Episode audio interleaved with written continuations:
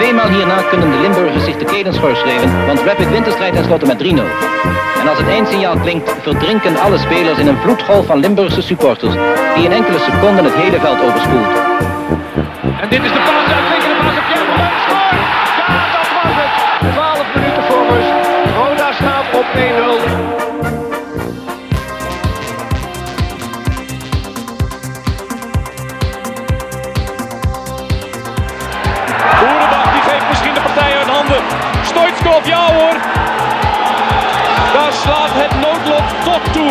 Fout van uitblinker Michel. Ja, natuurlijk. Je gaat maar niet doen of Keerkruis of of Holland of ik wat. Eh, of Boeselender. Het is gewoon schitterend om te met Fries te winnen. Dat is gewoon chance. En Lijpers houdt zo verschrikkelijk hard uit. 1-0 staat Roda voor. Twee ploegen op gelijke hoogte na de wedstrijd van verleden week. En Flederis dus. Mark-Jan Flederis. Mark-Jan Flederis en 2-1 voor Rode JC. Daar is hij dan. En daar is Van Hiepte. En daar is de goal voor Rode JC. Daar is de goal.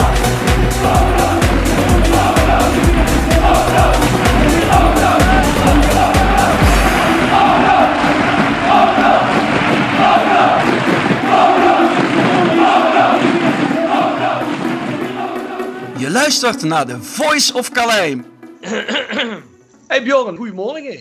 Goedemorgen jongen. We hebben vandaag een gast in de Voice of Calais. En dat is volgens mij alweer een maand of twee geleden dat we met gas hebben samengezeten.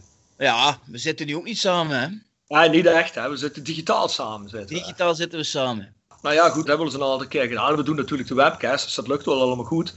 Alleen ja, het is toch wel vreemd. Hij komt dat we binnenkort weer eens gewoon in een leuke persoonlijke triangel kunnen zitten.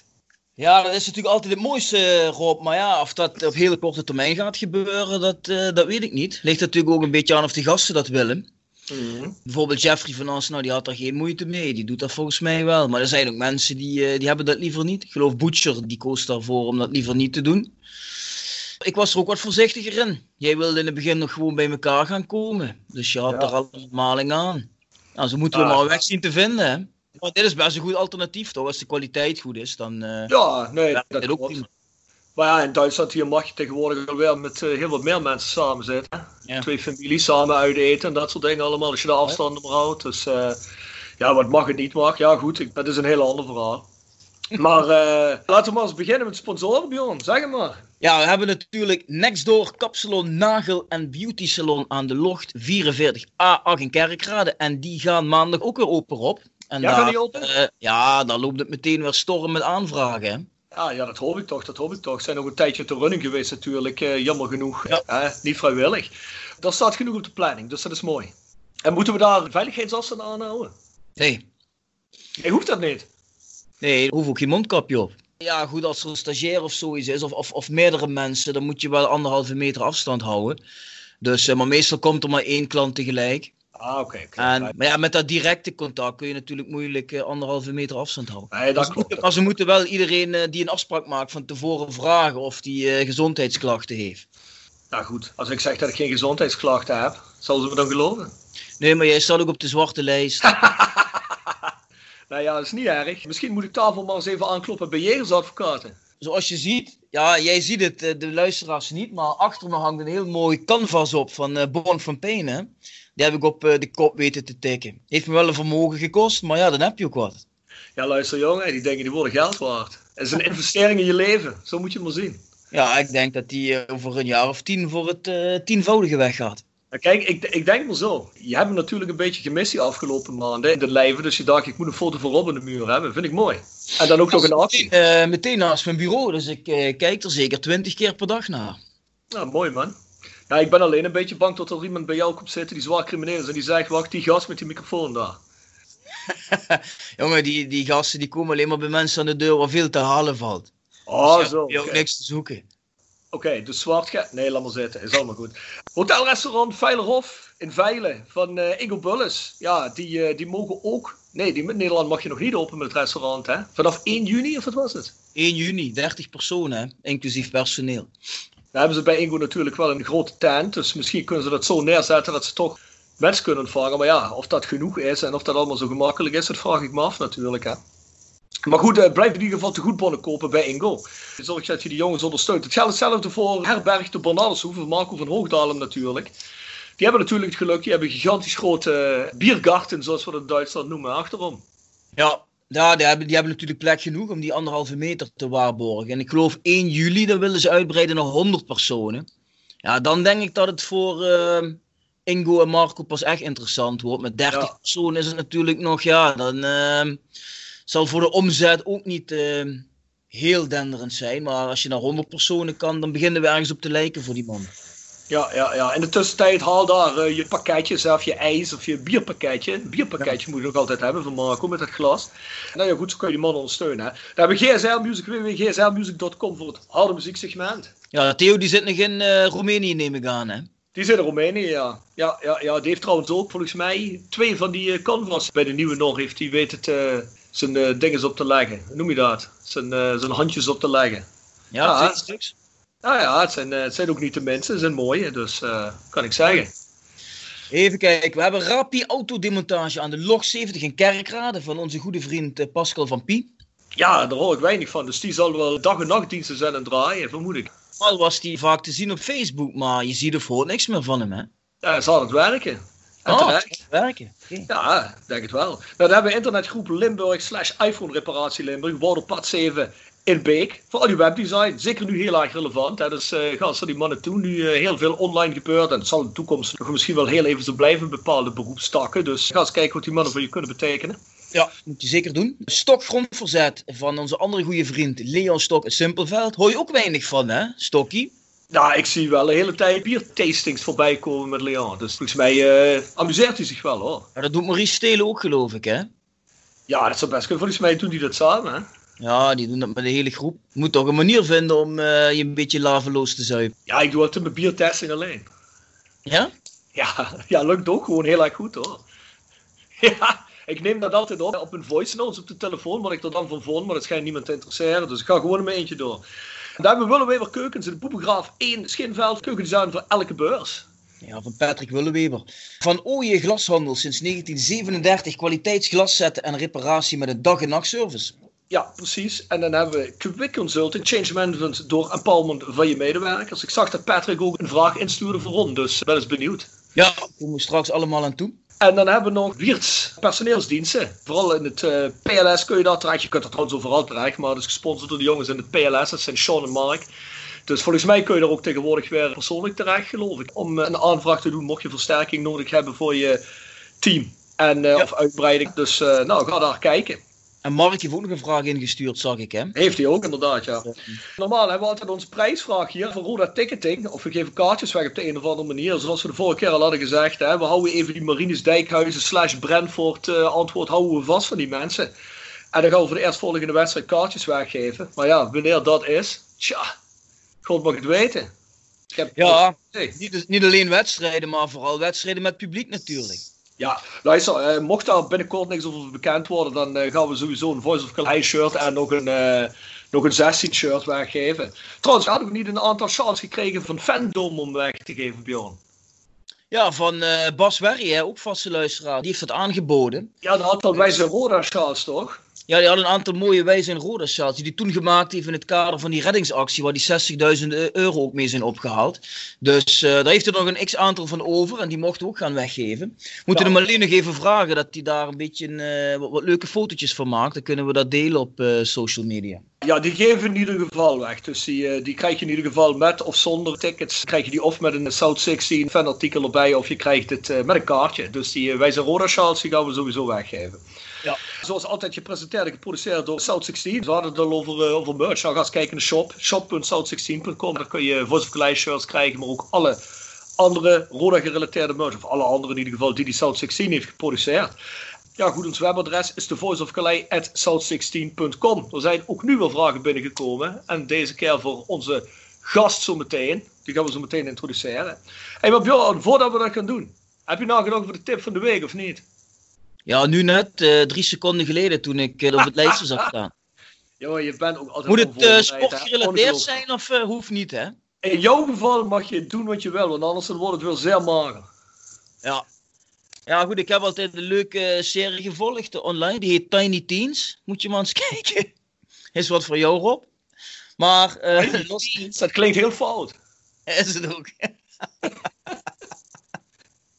maar, Was even dat, Uh, is het even van die porno-kanalen waar jij hebt gezeten? Ja, ja, precies. precies. Ah, ja, ja, ja, ja, ja, ja. Ik weet het, laatst... volgens mij heb ik weer een andere advocaat nodig voor jou nu. Maar nee, dat zijn die dingen wat je me laatst hebt doorgestuurd. En daar dan een beetje een spin-off van. Moet je maar eens googelen. Nee, maar als je het hebt over uh, Netflix-tips. Ik ben nu bezig met Ozark. Ja, Ozark is goed. Ik heb gehoord dat ze bij Netflix nog niet weten of ze het contract gaan verlengen voor Ozark. Ja, ik ben pas in seizoen 1. Volgens mij zijn het er nu drie die online staan. Dus uh, ik heb even te gaan. Ja, maar ja, als je bij seizoen 3 bent aankomen, het einde vraag je af waarom ze er überhaupt over nadenken. Want dat is toch wel eigenlijk een hele goede serie, vind ik. Ja. Dat is een beetje bizar. Ja, luister, heb ik, ik kan alleen maar de mensen op het hart drukken toch naar de Last Dance gaan kijken. Hè. Daar komen elke week twee afleveringen van uit. Dat is een beetje de autobiografie van Michael Jordan. Ja, dat is echt bijzonder goed. Dat is misschien wel een van de beste sportdocumentaires die ik ooit gezien heb. Dan zie je ook, als je heel erg gedreven bent als sportman, hoe je gedreven zou moeten zijn met een juiste mentaliteit om dan ook echt uh, je team en eigenlijk de hele vereniging naar voren te drijven. Ja, het zou niet slecht zijn als we een aantal Michael Jordans bij een keer erbij kregen, in ieder geval van de, van de houding. Het zou echt mooi zijn. En dan heb ik nog een, uh, wat heb ik nog meer gezien? Ik heb ook op Netflix heb ik een uh, documentaire gezien over, uh, ja, dan ben ik even de naam kwijt van de, van de serie. Maar dat is een jaar lopen ze mee in dat, in dat wielrenteam. En dan weet ik niet meer, dat is een Spaans team. Die hebben volgens mij de Vuelta vorig jaar gewonnen. Nee, niet de Vuelta. De Giro hebben die gewonnen. Dat weet ik niet. Misschien uh, weten jullie dat, hoe dat team heet. Die heet de Moto... Moto... Hoe heten ze? Ja, ik vraag me af, waar haal je al die tijd vandaan om de hele dag uh, die Netflix-series te bekijken? Luister, ja, je, hebt, je hebt echt alles gezien. Ongeacht dat wij meekomen, heb je al gezien. Ja, ja, ja. Luister, kijk, een mens is maar echt super productief een uur of drie, vier per dag super productief. Hè? Dus dat regel ik allemaal in de middag en de morgen. En dan ga ik het s'avonds ga ik nog mijn bezorgingen doen. Hè? Je weet, ik heb niet zoveel geld, dus ik moet husselen. Dus ik ben nog altijd bezorgingen uit het rijden. Nou, dan doe ik dat. Daar hoef ik niet zoveel bij na te denken. Als ik dan thuis kom, dan is het chic. Dan begint de biertasting en dan gaat Netflix op. En dan kijkt de vriendin nog een aantal afleveringen mee. En dan ga ik door tot een uur of 1, 2 s'nachts. Zo zien mijn quarantinedagen eruit. Quarantine. Quarantaine. Wel een beetje jaloers. Nou luister, uh, ik hussel wel hard om het geld te krijgen, vriend. Dus uh, als jij thuis zit en uh, op de bank zit met je middageten, begin ik te werken. Ja? Ja. ik weet niet wat ik er alle van, van, van moet geloven. Luister, ja, neem even aan. ik neem er maar even voor waarheid aan. Ja, dan mag je als waarheid aannemen.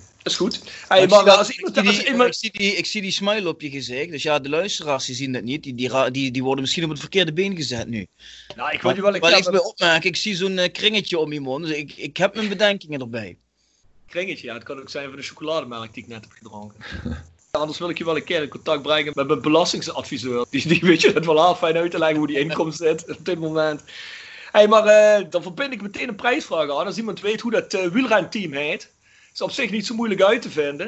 Het zijn volgens mij allemaal Spaanstalige jongens die in het team hadden. Het was ook een keer leuk om te zien, zo'n inside bij een wielrenteam. Dan verbind ik daar de volgende prijsvraag aan. Wat denk jij, Bjorn? Goed idee. Ik vind het prima. Ik vind het prima. Nou, dan uh, zijn we aangekomen bij de daadwerkelijke gasten vandaag. Het was een ex-SP fractievoorzitter, volgens mij van 2015 tot 2019. Klopt dat, Ron? Nee, uh, oud-partijvoorzitter. Uh, dus ik ben nog steeds actief in de club en uh, ben een heel actief. Maar inderdaad van 2015 tot uh, eh, 2019 ben ik uh, voorzitter van de partij geweest. Nou ja, als je fractievoorzitter bent, ben je dan voorzitter van de fractie die op de, op de zetel zit, of niet? Nou, ben je voorzitter van de fractie in het parlement of in de gemeenteraad of wat dan ook. En ik was ah. voorzitter van de hele partij. Ah, oké. Kijk eens aan. Nou, dat, hey, dat is beter als je voorzitter bent van de whole bunch. Hè? Nou, uh, gekozen tot beste raadslid van Nederland in 2014. En van tevoren ook al een aantal bemerkenswaardige zaken gedaan, zoals uh, langste staking schoonmakers. En die uh, sinds 30 jaren was het alleen schoonmakers of was het überhaupt de langste staking? Uh, dat was toen de langste staking door schoonmakers, maar wel de langste staking van Nederland sinds de jaren 30 van de vorige eeuw. Ja, ja en afschaffing jeugdloon jonge volwassenen in het kader van jongerenvakbond Young United. Ja. Halfloon dus, toch? Ja, halfloon, ja precies. Dat was die jongen die zich in de aandeelhoudersvergadering van Ahold voor de helft uitkleden. En dat ging toen, het is een tijdje geleden, ging dat, uh, ging dat redelijk viral. Dat was zeker niet voor de goede orde, gelukkig. Maar dat was een van de jongeren die toen, die, die toen meedeed. Nee, maar wacht even. Ik heb ook gelezen dat jij je ook half uitgekleed hebt op het kabinet. Wat is het? Rutte 2 iets? En, en weet ik veel, wat was het? Ik, ik ben even kwijt. Nee, ik heb mij nooit bij, voor Rutte half uitgekleed. Dat doe ik alleen bij mijn vrouw. Oh. En dat doe ik meestal helemaal. Nou, dat is echt nee, niks dat- voor de podcast. nee, maar dat begrijp ik wel dat Rutte Nee. dat niet willen zien. Maar Nee. het was... Die, Dat die, snap ik ook. Rob probeert toch altijd die vieze, smuïge details naar boven te krijgen. Ik bedoel, Rob, je Ja, moet wel realiseren, er zijn ook kinderen die luisteren. Nou, ik, dat is toch wel een eh, indrukwekkende palmares als politicus, moet ik zeggen. Ja, ik woon al een jaar of 15, 16 in, eh, in Duitsland, dus ik volg de politiek in Nederland niet zo heel erg nauw. Maar heb natuurlijk wel een aantal van dat soort zaken meegekregen. Maar voordat we echt aan het eh, voetbalgedeelte beginnen, Ron, hoe kijk jij in een paar zinnen tegen het coronacrisis-geval aan? Zijn we op de goede weg? Is het allemaal terecht? Je hoort geluiden van ja, de politiek doet te weinig, de politiek denkt niet aan kleine mannen, ook hier aan de kleine zelfstandigen. Kan ik zelf eigenlijk ook bevestigen dat het in Duitsland net zo is, want eh, er wordt eigenlijk heel weinig gedaan. Ze doen net alsof, maar er wordt heel weinig gedaan. Zitten we op de goede weg? Ook wat onder controle krijgen van de crisis? eh, Nou ja, wat je, nu aardig ziet, wat je ziet, kijk, niemand kan aan, aan dat eh, virus wat doen. Eh daar is ook niemand schuld. Alleen de gevolgen en de manier waarop ermee wordt omgegaan, dat is natuurlijk wel een verantwoordelijkheid. Ja. Van, van, van, van het kabinet en van andere mensen. En wat je ziet nu is dat juist de beroepen die eigenlijk, waar eigenlijk decennia lang hard op bezuinigd is, in de zorg, in de schoonmaak en op allerlei andere plekken, eh, het OV en ga eens maar door op Schiphol. Afgelopen week was ik betrokken bij een actie van beveiligers en afhandelaars op Schiphol. Allemaal mensen die vaak onzeker contracten hebben, lage lonen. Ja, die, die worden nu vitaal officieel genoemd. Staan in de frontlinie van, eh, van het bestrijden van die crisis. Ehm, ja, en ehm, ja, met die mensen zijn we eigenlijk in dit land de afgelopen decennia best wel slecht omgegaan. Dus ja, zijn we op de goede weg. Ik vind in ieder geval, als je het land wil openen, ehm, gezonde mensen weer op pad wil laten gaan, dan zul je wel echt ja, massaal moeten testen. En ik vind het buitengewoon merkwaardig. Ik was, mijn vader en mijn moeder behoren tot de kwetsbare groep. Mijn vader die kreeg eh, na een operatie eh, een paar weken geleden kreeg die koorts. Dan ben je automatisch bij dan corona eh, verdacht. Dus ik ging met hem naar het coronahotel midden in de nacht. Ja, en dan werd hij verder prima geholpen door een huisarts ter plekke. Alleen als je niet naar de IC hoeft. Mijn vader kreeg als opmerking mee, meneer Meijer, overweegt u alsjeblieft als u wel naar de IC moet, of u dat wel wil. Want er bestaat een grote kans dat u dat niet redt. Dus blijft u liever thuis. Maar hij werd niet getest. Ja, en dat vind ik buitengewoon merkwaardig. Dat heeft met niets anders te maken dan dat er gewoon niet genoeg testcapaciteit en productiecapaciteit is. En dat heeft iets te maken met hoe we de afgelopen jaren dat soort voorraden niet hebben aangelegd. En dat we dat ook zelf niet meer kunnen, produceren, omdat dat bijna allemaal hè, tot, tot en met de mondkapjes uitbesteed naar eh, lage lonenlanden. En dat zegt iets over ons systeem. Volgens mij moeten we dat in de toekomst echt rete snel gaan aanpassen. Ja, ja dat, lijkt, eh, dat lijkt me ook. Ja, ik weet alleen, en dat is het, het, het laatste wat ik erover ga zeggen, want we hebben allemaal al genoeg over corona gepraat en zijn bezig geweest. Maar volgens mij hebben ze, een, eh, niet dat Duitsland beter is, maar ze hebben hier volgens mij de IC-bedden nooit zo sterk afgebouwd als in Nederland. En Ja. hier zijn ze eigenlijk nooit tot volle capaciteit, eh, ja, zoals ze in Duitsland zeggen, ausgelastet geweest. Dus ze zijn eigenlijk nooit in dat probleem gekomen, alle bedden liggen vol. Het is misschien Ja, dat toch medisch hier een stukje beter geregeld. Dat zegt iets over de publieke sector. Hè? Dat is wat ik net bedoelde. Eh, Ja. Die is in Nederland uitgehold en in Duitsland iets minder. De zorgstelsels zijn niet helemaal hetzelfde. Maar ja, we zullen wel die publieke sector echt moeten gaan waarderen. Want als we straks ongetwijfeld weer voorstellen tot zware bezuinigingen komen, dan weet ik nou, naar wie er weer gewezen wordt. Dat is gewoon weer keihard straks aan de zorg. Ja, Ja. en dan krijg je in de toekomst weer problemen. Ja. ja, dat is natuurlijk waar. Hè? Maar goed, ik, ik merk het persoonlijk eigenlijk het meest aan. Ik mag niet eh, gaan spelen met mijn band. Dus ik dacht, daar kom ik iets centen van binnen. Dus culturele sector, maar ook jongens die bars hebben. En eh, onze vrienden zoals Ingo Bulles en Marco van Hoogdalen natuurlijk met hun restauraties. Het zijn allemaal mensen die worden keihard geraakt en die kunnen er eigenlijk niks aan doen. Hè? Ook al willen ze op een bepaalde manier. Ja, tot 1 juni kun je ook gewoon niet. Hè? Daar wordt ook heel weinig voor gedaan. Hè? Praat, ik bedoel, ik weet niet hoe ver jij dat weet, maar praat maar eens met iedereen. Ik bedoel, voor de, voor de cultuursector wordt heel weinig gedaan. Ik mag hier in Duitsland mag ik eh, hartstier aanvragen. Dat is ja, bijstand. En voor de rest niks. Ja, we hoorden Ingo in een van de laatste eh Voice of Karl Heij eh, afleveringen. Ja, en ik, ik, ik hoorde gisteren wat de winstcijfers van Ahold zijn in het eerste kwartaal. Namelijk 50% meer, 645 miljoen meer. Als straks de vraag is wie gaat deze crisis betalen, want die vraag komt evident op tafel. Ja, dan is het natuurlijk wrang om te zien dat, natuurlijk zijn die supermarkten open. Maar als dit de crisiswinst is van dergelijke grote multinationals, dan zou ik willen voorstellen dat we anders dan de afgelopen decennia, dat we die nu eindelijk gaan laten betalen. In plaats van eh, die jongens en meisjes die keihard werken en eigenlijk het water nu aan de lippen hebben staan. Nou, Daar kunnen, we alleen maar, daar kunnen we het alleen maar mee eens zijn, denk ik. Ja, ik zag gisteren nog een oproep op Facebook van een reisbureau waar ik altijd de vakantie bij boek. Uh, die branche heeft natuurlijk ook flinke klappen. Er komt ook geen eurocent binnen, alleen maar kosten. En daar is eigenlijk ook uh, nagenoeg no nog niets voor geregeld. Dus dat, daar valt eigenlijk ook uh, de een na de ander om. Ja, ja, ze zijn hier in Duitsland vooral mensen aan het appelleren om uh, te goedbonnen toch maar te nemen in plaats van je geld terug te vragen. Dat is natuurlijk ook opschuiven, maar hoef je in ieder geval die, die, die knaken niet terug te betalen. Dat valt dan weer iets meer mee. Maar het domino-effect hiervan, dat gaan we nog lang merken, denk ik. Ja. Nou, Ron, eens even te komen bij de, wat we eigenlijk met de Voice of Calais doen. Hoe kom jij weer, Ron, terecht? Wij weten het van Bjorn en mij, maar uh, Ron Meijer, ik zie jou uh, al jaren, jaren, jaren lang rondlopen natuurlijk. Maar kom je ja. bij Rode terecht? Ja, dat, dat, is een interessant verhaal. Ik, mijn, mijn opa, die woonde in Blijerheide lang geleden. Dus die was al uh, fan, die ging als jongetje naar, naar, de, naar de, een van de voorlopers van, van Roda. Ik was in de jaren, begin jaren, eind jaren 80, begin jaren 90, was ik een enorme Romario-fan.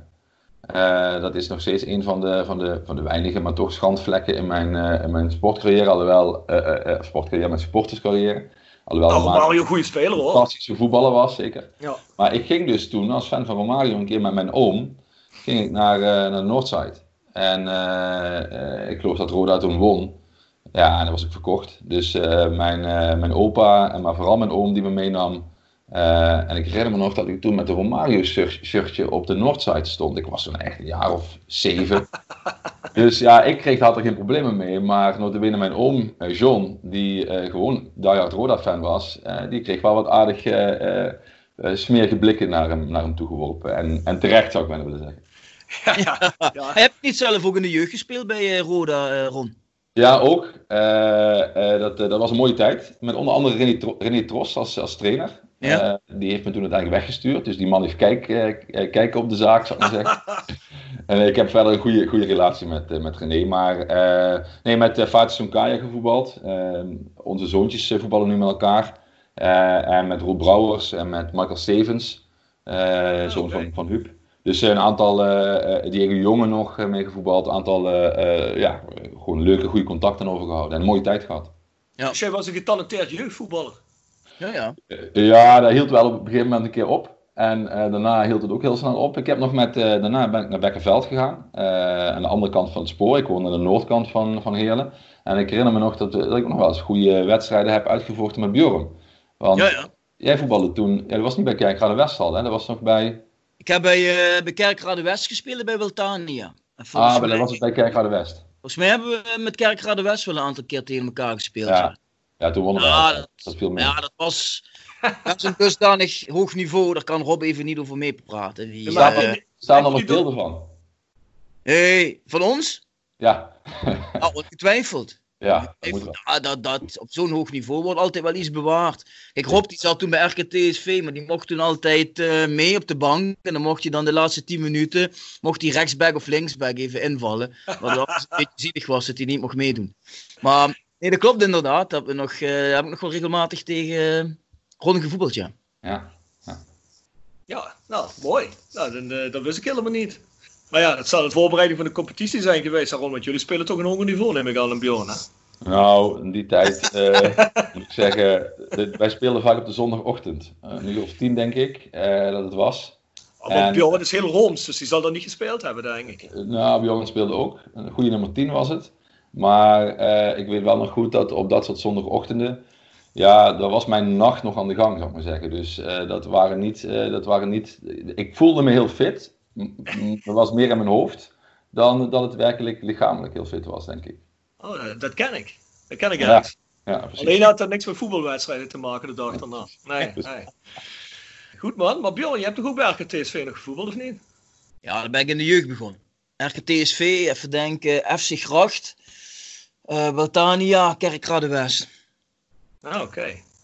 Ja, goed. Kijk, toch is hij even naar, naar Belten geweest, naar Heerlen. Uitstapje gemaakt van Kerkrade weg, Bjorn. Beetje ja. teleurstellend, maar maakt niet uit. Ja, jongen, het grote geld uh, riep, hè. Kreeg ik een uh, dusdanige aanbieding. Ja, ik kon ik niet laten liggen, op. Mocht je je twee cola voor niks drinken na de wedstrijd? Ja, een paar consumptiebonnen en ja. de helft van de contributie betalen. Ja. Hey Ron, uh, over Roda gepraat. Je zegt ja, ik, ik kwam er vroeger als kind. Ik neem aan dat je er nu elke wedstrijd ook nog bent. Ja, niet alleen. Ik neem mijn oudste zoon mee. ik heb een zoon van 12, een dochter van 11 en een, de jongste zoon van 2. Die laatste zingt al liedjes, dus dat is goed. Die zingt Roda Los Mayon. als je drie, als je een week of zes met papa en, en als je thuisles krijgt, dan wordt natuurlijk ook aandacht aan de muziekles besteed. En dit liedje stond bovenaan. Dus, maar die, ja, die mag van mama nog niet mee. Maar uh, de oudste die gaat alle wedstrijden. Het is mij niet gelukt om uh, alle wedstrijden te gaan. Dat wil zeggen een deel van de uitwedstrijden niet vorig jaar, een afgelopen seizoen. Maar Kian, uh, mijn oudste, die gaat echt alles. Um, gaat met, met, vrienden mee dan. Dus die is wel al aardig besmet met het Roda-virus. Ja, ik wil zeggen, want ik heb jou wel vaker ook bij uitwedstrijden gezien. Volgens mij doe jij de bakkelbus of niet? Nee, we zijn, we, meestal gaan wij met, met de auto. Met de auto. Uh, met goede vrienden. En wij staan uh, op de Koepeltribune op West, uh, tussen West 10 en West 12 in bovenin met een mooi groepje. En dat vind ik nog wel het gaafste als je dan hebt over dat, wat mis je nou in, in, met, met die coronatijd. Ja, dan is dat het ook wel echt. En het is, ik, ja, ik krijg het bijna mijn strot niet uit. Maar mijn god, die mannen die op de tribune staan. Ik zou ze wel even willen knuffelen nu. Het is echt bizar om dat te zeggen. Maar als we dat toch weer kunnen, dat stadion in op enig moment, gaat nog een tijdje duren denk ik. En vrees ik. Ja. Maar ja, die hele gemeenschap uh, van zowel thuis- als uitwedstrijden. En wij staan daar bij elkaar met, met, met van, van ambtenaar tot ondernemer en van uh, vakbonder tot uh, de, de, de John met de paardenstaart die op die railwagen rijdt. Ja, dat is toch een prachtige club bij elkaar, weet je wel. En die gemeenschap die mis ik wel echt. Ja, daar even op inhaken, Ron. Daar gaat een vraag over van Mark Schaefer. Precies. ook een van onze sponsoren. En hij zegt, Ron, volgt de wedstrijd bovenin West 10-12, meestal op de trappen. Al jaren kijkt hij de wedstrijden met dezelfde vaste groep. In de bijbehorende appgroep worden, om het rode gevoel te blijven beleven, regelmatig anekdotes gedeeld. Ja. Ron kan vast een van de anekdotes delen met jullie. Ja, dat kan makkelijk. Uh, nou, laat ik er, laat ik er uh, ja, laat ik dit zeggen. Uh, er staat onder andere, we noemen hem Lange. En uh, die staat er altijd bij. Nou, die komt uh, vijf minuten voor de wedstrijd komt die, komt die binnen. Dan is hij al hagelen vol, in goed Nederlands gezegd. Dan stroomt hij de trap omhoog. En rond de 72e minuut zegt hij eigenlijk bijna altijd hetzelfde. Namelijk, dan looft hij een speler. En dat doet hij echt met de volste overtuiging. een speler die alleen niet speelt. Dus en het gaat bijna iedere wedstrijd zo. En dat, is geen, dat heeft doet hij niet bewust. Of althans, doet het wel bewust. Maar dat is geen grap van zijn kant. Dat meent hij dan echt serieus. Dan zegt hij dan, ja maar lange, lange, maar die, maar Mitchell Keulen speelt vandaag helemaal niet. Die is een tijdje bezit. Ach, doe. Is toch beste speler op het veld? Best, de allerbeste. Ja, dat is toch wel, dat, dat, dat, uh, dat, dat moet je wel missen als je, als je in deze coronatijd zit. En, uh, nou ja, dat, uh, dat, zijn de, dat zijn de mooie momenten. Ja. ja, dat missen we allemaal wel, verdorie, dat stadion. En dan heb je toch, ja, ik zat me deze week nu te bedenken, van ja, we hebben natuurlijk wel een aantal hele slechte jaren. En ook, en ook jaren dat je denkt van, oh jee, dan moet ik vanavond weer naar Roda. En, en oh jee, eh, krijgen we ze dadelijk op de doos. En dat je al een beetje met knikken de knieën er naartoe gaat, dan zal het wel weer wat worden. Maar ja, op momenten als je een uh, tijd lang uh, Roda niet hebt, dan weet je pas weer uh, hoe belangrijk het voor je is. Hoe ja, graag ja, je er weer naartoe wil.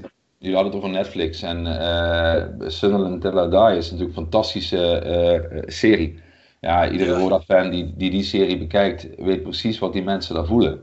Uh, want ze zijn daar weliswaar twee divisies gedegradeerd, maar zo voelt het voor ons natuurlijk ook een beetje. En ja, je kunt nog zoveel voeteren op je club en op, op de, de avonturiers en op de leiding. En dat zullen we ongetwijfeld zo meteen ook nog gaan doen. maar uiteindelijk is het wel je club. En, en die, ja, je, ik herinner me nog, na, uh, dat was volgens mij de wedstrijd voordat Trost in het uiteindelijke promotieseizoen uh, als het ware geofferd werd, of zichzelf offerde. Uh, en we met 6-0 of zo verloren bij Sparta. En ik geloof dat het halverwege al 0-5 of 0-4 stond. Ja, dan denk je, ja, waar doe ik het voor? Maar ja, de volgende wedstrijd ben je er toch weer gewoon. Want ja, wat moet je anders als je Roda-fan bent? Toch weer gewoon naar het stadion gaan. En ja, zo, zo, zo, zo is het. Ja, ik zou willen zeggen, dat is, het is geen haat-liefdeverhouding, maar het is wel ja, het voelt wel als je het voetbal ziet van de afgelopen seizoenen en de ellende eh, rondom, uh, rondom de club, dan is dat wel een beetje het hekel of het haatidee. Maar ja, je bent met die club opgegroeid, het is je gemeenschap en uh, ja, daarom mag die club ook nooit kapot gaan. Maar ja, zo denken wij ook, Ron. En hoe slecht het ook gaat, wij komen toch gewoon naar die wedstrijden. We hadden er toch altijd weer onze plezier uit, want je houdt van die club. Maar ja, het is toch geslonken, het, het, toeschouwersaantal, tot, wat was het de laatste wedstrijden? 2,5, 3, 3,5 ja. misschien. Meer is niet geweest. Ja, maar ik ben daar, ik ben daar optimistisch over. Ik ben wat dat betreft uh, sowieso onverwoestbaar optimistisch. Omdat, ja, kijk, dit, dit, dit is ook gewoon echt een harde les in bescheidenheid voor ons geweest. We hebben natuurlijk decennia, en dat laat onverlet dat er natuurlijk een absoluut wanbeleid is gevoerd de afgelopen zoveel jaar. Maar we hebben natuurlijk ook lang gedacht dat, ja, laat het allemaal maar aan die rijkaarts over, en één of meerdere. Uh, en in de jaren 90 natuurlijk werden er goede keuzes gemaakt. Het begin van het millennium ook nog wel. Maar ja, we zullen ons als supporters echt moeten bemoeien. Uh, want uh, ja, het komt niet uit de lucht vallen. We zullen er hard voor moeten knokken. Niets in deze regio, niets in de mijnstreek toen de mijnindustrie nog was. En zeker niet na de mijnindustrie is ooit van niks gegaan. Is ooit uit de lucht komen vallen. Hebben we een cadeau gekregen. Dus ja, ik denk ook, kijk mijn zoon, ik vertel iets over Kian, die is 12. Die heeft nog nooit, ja, als je de, het, lijst behoudt eh, een paar keer mag meerekenen. Maar die heeft nog nooit een goede tijd meegemaakt. Dus die jongen die is nu al blij als we van fucking Telstar, niets te nadelen van Telstar, maar als we daarvan winnen, dan is hij ziels, ziels gelukkig. Ik had laatst een gesprek met een, met een partijgenoot die fan van Pek Zwolle is. En die zegt, ja, in de jaren 90 waren jullie het voorbeeld. Uh, en wij, ja, ik herinner me nog een, een wedstrijd op Kaalheide, speelden we tegen, ik geloof dat het toen FC Zwolle was. Het was Siberische kou steenkoud. Uh, ergens in de jaren 90 voor de beker. Daar, hadden we, daar dachten we van tevoren, winnen we met, uh, met, met zoveel vingers in de neus. Er werd 1-1 en Roda was zeldzaam slecht en arrogant. toen wonnen we met penalties uiteindelijk, ik geloof 10-9 of wat het ook precies was. Ja, wij lachten om dat soort clubs. En nu weten we, dat gaat allemaal niet vanzelf. Dus uh, die Kian, mijn zoon, die zelfs als we ooit nog zouden promoveren, en ik ben daar optimistisch over, dat gaat gebeuren ja, dan is die jongen zielsgelukkig. En uh, dan zullen al die gastjes die met hem meegaan, die zullen, die zullen de club uh, naar grotere hoogte gaan schreeuwen en zingen. Ja, daar, daar word ik wel weer blij van, van dat vooruitzicht. Ja, zeker. Nee, ja, dat, ik bedoel, positief blijven wij ook. Alleen, ja, als je ziet wat je zegt, hoe er met de club wordt omgegaan de laatste jaren, of in ieder geval de laatste decennium. Dat is wel echt schrijnend. Dat is wel echt een teleurgang uh, van je welste. Hier bij de Voice of Calais, we willen wel graag geloven in investeerders en dergelijke, maar het moet wel allemaal samen gebeuren. En dat, daar horen supporters zeker bij. En als je die er niet bij betrekt, ben ik het helemaal mee eens. Ik, daar komen ze meteen eh, komen er zeker op terecht. Maar ja, ik geloof niet zo in dat er een paar mensen met een zak geld komen, weer van alles beloven en dat we het in eentje gaan regelen. Want dat is nu al tien jaar is dat fout gegaan, of in ieder geval de laatste vijf, zes jaar. En dat, dat werkt gewoon niet op die manier. Je moet dat geld ook fatsoenlijk nee. kunnen inzetten. En de mensen die er gezeten hebben, hebben volgens mij niet zo'n heel goed idee over wat de club echt betekent en wat de club echt is. Nee, ja, kijk, wat, ik wou het net over, heel even over die Netflix-serie Sunderland Till Die. Mensen die nog niet gezien hebben, moeten dat echt doen. Uh, ja. En, en ja, je had over Roda natuurlijk een nog veel mooiere serie kunnen maken. Ik bedoel, net, uh, Sunderland uh, was, was en, en is ellende. Oh, mijn god zeg, wat had je hier een een, wereld, uh, een wereldserie kunnen maken als je dit allemaal gevolgd had. Ja, had je zomaar met, met de opbrengst daarvan, voor de licentie daarvan, had je zomaar tekort kunnen stoppen dit seizoen. Man, hadden we Barcelona, kunnen, Barcelona kunnen concurreren uh, als we daar een serie van gemaakt hadden. Maar tegelijkertijd, ja, geeft het ook weer de betrokkenheid van de supporters, uh, wat ook in deze podcast geregeld voorbij komt. Ja, het geeft ook weer, als je een beetje op enige afstand, en ik probeer dat soms ook te doen, hoe moeilijk dat als Roda-fan ook is, dan ja, moeten we er ook weer, hoe gek het ook klinkt, een beetje van genieten. Want dat betekent ook dat we op een hele kleine schaal, eh, ook het Hollywood van, uh, uh, hoe zeg je dat? Um, zuiden. Van het zuiden zijn. En dat, dat ik bedoel, de betrokkenheid, de onstuimigheid, past ook wel weer een beetje bij onze club. Dus ja, op een bizarre manier kan ik daar ook wel een klein beetje van genieten. Ja, het is nooit saai, zeggen we. Alleen, ja, het is wel eens frustrerend. Hè? Ik bedoel, je wil zo graag betrokken zijn bij die club, maar toch voel je als supporter een bepaalde afstand uh, naar de club. Dat is nu eigenlijk ook weer een beetje gaande. Hè? Iedereen tast nu weer in het duister van waar staan we? Uh, hoe gaan we het richting komend seizoen? Hoe gaat het eruit zien? Hoe gaat het er op de lange termijn uitzien? Ja, en supporters willen graag iets van die club horen en weten. En ja, eigenlijk al jaren moeten we maar leidzaam toezien wat er met de club gaat gebeuren van, uh, boven, van boven in de top. En dat, dat vind ik vaak wel, uh, wel het frustrerende eraan. Nou ja, kijk, ik geloof dat het allereerste begin is, en volgens mij hebben jullie, hebben jullie er ook al vaker over gehad met verschillende mensen. Ik vond dat uh, Jimmy Leenders daar ook waren zinvolle woorden over sprak. Maar het begint met visie. Het begint met, of je nou een zak geld hebt, we hebben oh. gezien dat een zak geld alleen, dat het niet voldoende is. En uh, ik wil, laat ik heel constructief zijn. Ik geloof dat ik niet hoef toe te lichten dat uh, al die superrijke mensen, dat, dat, dat die niet per definitie heel dicht uh, bij mijn politieke kleur en overtuigingen van de, de, de ideale wereld zitten. Desalniettemin zou ik zeggen, iedereen die in Roda heeft geïnvesteerd, ja, die, die, moet, je, die moet je bedanken, schouderklop geven, et cetera, et cetera. Maar dat gezegd hebben, ja, begint het wel echt nu met visie. En daar moeten supporters vanzelfsprekend bij betrokken worden. Als het gaat om de visie op bijvoorbeeld welke uitstraling wil je, wat voor type voetbal wil je dat er is. Wil je dat er spelers komen die Um, voor wie het eigenlijk niet uitmaakt waar ze zitten. Of wil je dat er spelers zijn die snappen dat ze best na Roda een sprong kunnen maken. Maar dat ze in ieder geval hier graag moeten willen voetballen. En dat soort uitgangspunten. Wat voor club ben je nou eigenlijk? Ja, daar begint het mee. Want alleen een zak geld is niet voldoende. En, en dat is wat ik uh, denk dat jullie, dat, dat eerder, eerder ook al de terechte kritiek is. Uh, tegelijkertijd, ja, we zullen het nu samen moeten doen. En laat ik daar ook de brug slaan naar, iedereen die nu in die club wil investeren. Uh, het zal nu samen moeten gebeuren, want nog een paar jaar strompelend en rollenbollend en de een naar binnen en de ander weer naar buiten. Ja, dan als we dit nog een paar jaar doen, dan is het echt op enig moment einde club. Want wie gaat er dan nog inspringen? Um, en dat zou ook wat, wat, mij betreft de oproep aan, niet alleen aan jullie, maar mezelf en aan alle andere Roda-fans zijn. We zullen ook zelf moeten meedoen. We zullen onszelf moeten organiseren. En uh, dat klinkt niet gek uit mijn mond, denk ik. Als ik zeg dat, ja, kijk, uh, één... Niet echt gewoon. Nee, maar één heel rijk iemand, ja, ik bedoel, duizend minder rijke iemanden, die kunnen ook wat bij elkaar brengen. En ik weet, je kunt ook zeggen, als je een beetje cynisch bent, we zijn Murf geslagen en we hebben toch al geld opgehaald. Ja, maar als we echt willen dat die club blijft bestaan, moeten we ons daarmee gaan bemoeien. En dat is podcasts maken, dat is zingen, schreeuwen, soms spandoeken, positief, af en toe negatief. Maar het is ook geld bij elkaar op gaan halen op enig moment om, ja, gewoon op zijn minst die stabiele toekomst. Dat je financieel inzicht in die club krijgt.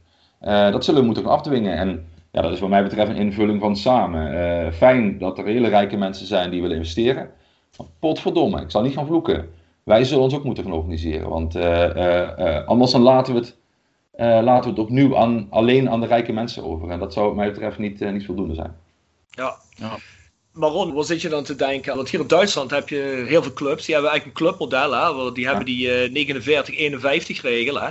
Waarbij 51% altijd in handen is uh, eigenlijk van de fans bij de club. Die ook allemaal een deel hebben van de club. Als lid dus ook een, een meebeslissen en een contributie betalen als het ware. Zodat ze eigenlijk een zeggenschap hebben in de club. Die 51% die is altijd gewaarborgd. Ja. Ook al komt er een investeerder, die kan eigenlijk maar 49% kopen van zo'n club.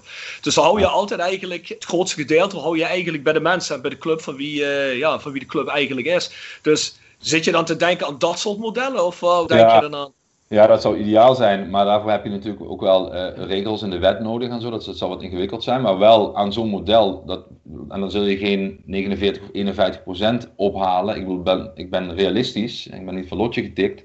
Maar als wij bij wijze van spreken met z'n drieën en wij vermenigvuldigen uh, dat met, met alle mensen om ons heen in het stadion. Uh, en wij zouden komen tot een, een vereniging van duizend mensen die geld ophaalt en die, laten we zeggen, één keer per jaar met al die leden afspreekt waar dat geld naartoe moet uh, bij de club. Of dat nu kunstgras is of het is.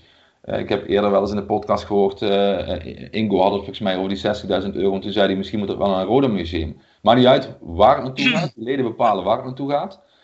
en de club kan dat wel of niet krijgen op voorwaarde dat je financieel inzicht krijgt. En dat is ons belang als die, al die avonturiers. Ik zei al eerder heel constructief: schouderklopje.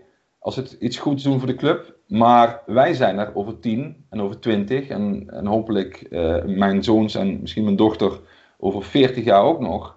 Ja, wij, wij zijn er dus voor, voor de lange termijn. En niet alleen voor die speler die per se nu moet gehaald moet worden, voor ene sponsor die op de korte termijn iets terug wil zien. Of die investeerder of wie dan ook. Nee, wij willen graag, we willen graag dat er over 40 jaar nog steeds een Roda is. En het liefst een eredivisie. En daarom moeten we als supporters ook echt, ik, ik, ik, ik heb het vaak ook in de podcast gehoord ik snap alle sceptisch. Ik snap het echt, want ik voel het zelf ook natuurlijk. Het doet pijn in je hart en in je buik en overal waar het pijn kan doen. Maar wij zullen ons echt moeten gaan organiseren. En inderdaad, uh, Rob, ik denk dan ook echt aan, uh, aan, aan, dat soort modellen. En dan wel op Nederlandse schaal. We hebben hier niet zo'n cultuur, maar laten we maar bij Roda beginnen om die cultuur een beetje op te bouwen. En waar denk je dan aan, Ron? Zouden de supporters dan een, een zetel moeten krijgen in een, in een RVC of een, of een bestuursorgaan waar ze invloed kunnen uitoefenen of controle? Ja, ik zou zeggen uh, een RVC op zijn minst het aanbrengen van een, een, een soort advies voor, uh, voor de RVC, maar maak er allemaal meteen een lid van de RVC van. Als je tot duizend leden weet te komen en hopelijk veel meer, dan, ja, dan zou ik zeggen, dan ben je het, het orgaan. Kijk, ik zou er nooit een concurrentie van de supportersvereniging van maken. Die doen, je moet met zo'n initiatief nooit je, organiseert geen busreizen en je doet geen, geen, geen supportersacties op de tribune. Dat moet allemaal aan de supportersvereniging blijven. Maar zo'n initiatief moet louter gericht zijn op uh, alle kleine beetjes verzamelen. Daarmee heb je uiteindelijk macht, noem het politieke macht in de club. En die moet je inzetten om financieel inzicht te krijgen. En dat kan via bijvoorbeeld een lid van de Raad van Commissarissen. Dat lijkt me uitstekend. Want het zou eens goed zijn dat daar mensen in komen die echt voor de lange termijn, uh, naar de lange termijn kijken. En niet zijn nadelen van ieder die er gezeten heeft, maar potverdomme. Dat zou niet verkeerd zijn als er iemand namens de supporters echt komt uh, te zitten. En loopt daar nu concreet iets rond op dat vlak? Want ik heb wel eens begrepen, jullie zijn met een aantal mensen daarover gesprekken aan het voeren. Wat, wat is de status daarvan nu? Ja, dat, dat, dat, klopt. Uh, wij, we spreken daar met allerlei verschillende mensen over, met allerlei verschillende, van allerlei verschillende pluimage. Ehm, dus dat is niet een initiatief van, van Ron Meijer, laat ik dat meteen heel helder zeggen. Maar ik denk daar graag mee als Roda-fan. Maar allerlei mensen bij betrokken. Ja, waar we nu natuurlijk een beetje tegenaan lopen, is dat initiatief dat staat als het ware in de stadblokken. Maar ja, je moet natuurlijk wel weten waar, waar de club staat. Als je dit wil lanceren, dan moet je dat wel een beetje doen op het moment dat je weet wat de visie van de club is. Want anders zeggen mensen ook, ja, wat moet ik ermee? Want uh, wat, wat gaat er met de club gebeuren? Dus dat, ja, bij deze ook een oproep aan, aan ieder betrokken bij uh, de nieuwe investeerders, of wie het ook allemaal mogen zijn. Uh, de supporters staan klaar om ook met initiatieven te, te beginnen en uh, hun steentje bij te dragen. des te sneller er visie ligt, des te sneller wij ook van harte, van links tot rechts, van groot tot klein, van jong tot oud, klaarstaan om ook dit soort initiatieven de wereld in te zwengelen. Ja. ja, want even inhaken op wat je net zegt, Ron. Waar denk jij dat we als club nu staan? We nou zijn in afwachting. Hè, Roger Houdinius uh, wordt gezegd, Mercurius. Waar denk je dat de club nu staat uit hetgene wat jij in het omveld hoort? Nou, ik ben daar eigenlijk optimistisch over. Ik denk dat, dat deze mensen zich allemaal niet zomaar. Kijk, je weet als je gaat praten met, uh, met een betaald voetbalclub, zeker als je praat met Roda. Jimmy Linders zei dat eerder ook al. Dan, ja, dan kun je nog zo je best doen om uit de publiciteit te blijven, zoals die Houdinius gedaan heeft in eh, de afgelopen decennia. Uh, maar dan komt je naam straat te liggen. Dus vanaf het moment dat je in gesprek gaat, dan weet je dat je onderdeel wordt van een publiek debat. Ja, ik denk toch dat de mensen die nu genoemd worden, dat die, uh, ja, dat, dat, dat die weten wat ze doen. En uh, ik bedoel niet in de zin van dat het nou per se goed komt in de komende jaren, dat moeten we gaan zien. Uh, dus die oproep tot een plan en een visie en wat voor club wil je zijn, die deed ik eerder al. Maar ja, ik ben hier optimistisch over. Ik denk dat dit uh, gaat slagen, los van wat je van al die mensen vindt. Ik bedoel, Houdinius doet een flitshandel. Ik hoef je niet te vertellen dat ik als socialist daar wat van vind. Maar ja, als hij dat, dat heeft hij, dat, dat godsvermogen, uh, dat heeft hij nu opgebouwd met iets waar ik van alles van kan vinden. Maar dat is nu eenmaal zo. Als hij het dan in ieder geval investeert in, in onze club, dan heeft hij in ieder geval nog iets goeds mee gedaan. Dus ik ben daar, ben daar positief en optimistisch over. En ik hoop dat ze in de komende maand, want ja, je moet wel weer naar de toekomst, naar het seizoen, komend seizoen gaan kijken. Uh, dat, die, dat dat in de komende maand uh, of maanden, maar zo snel mogelijk hopelijk goed komt. Ik vind het mooi dat je zo optimistisch bent. Ben ik in principe ook heel voorzichtig. Alleen, ja. Nu komt de maand. nee, nee, maar het is gewoon heel angstvallig stil. En het is al ja. eigenlijk stil sinds uh, Roland Hogenals uh, begonnen is met Steinkoster. Er zou altijd plan uit de doeken gedaan worden. Daar hebben we een half jaar op gewacht. Of uh, drie kwart jaar. Toen was Ronald Hogenals weg. En nu zouden er plan uit de doeken gedaan worden wat betreft nieuwe investeerders. Er zou nieuws komen. En nu is het ook weer angstvallig stil.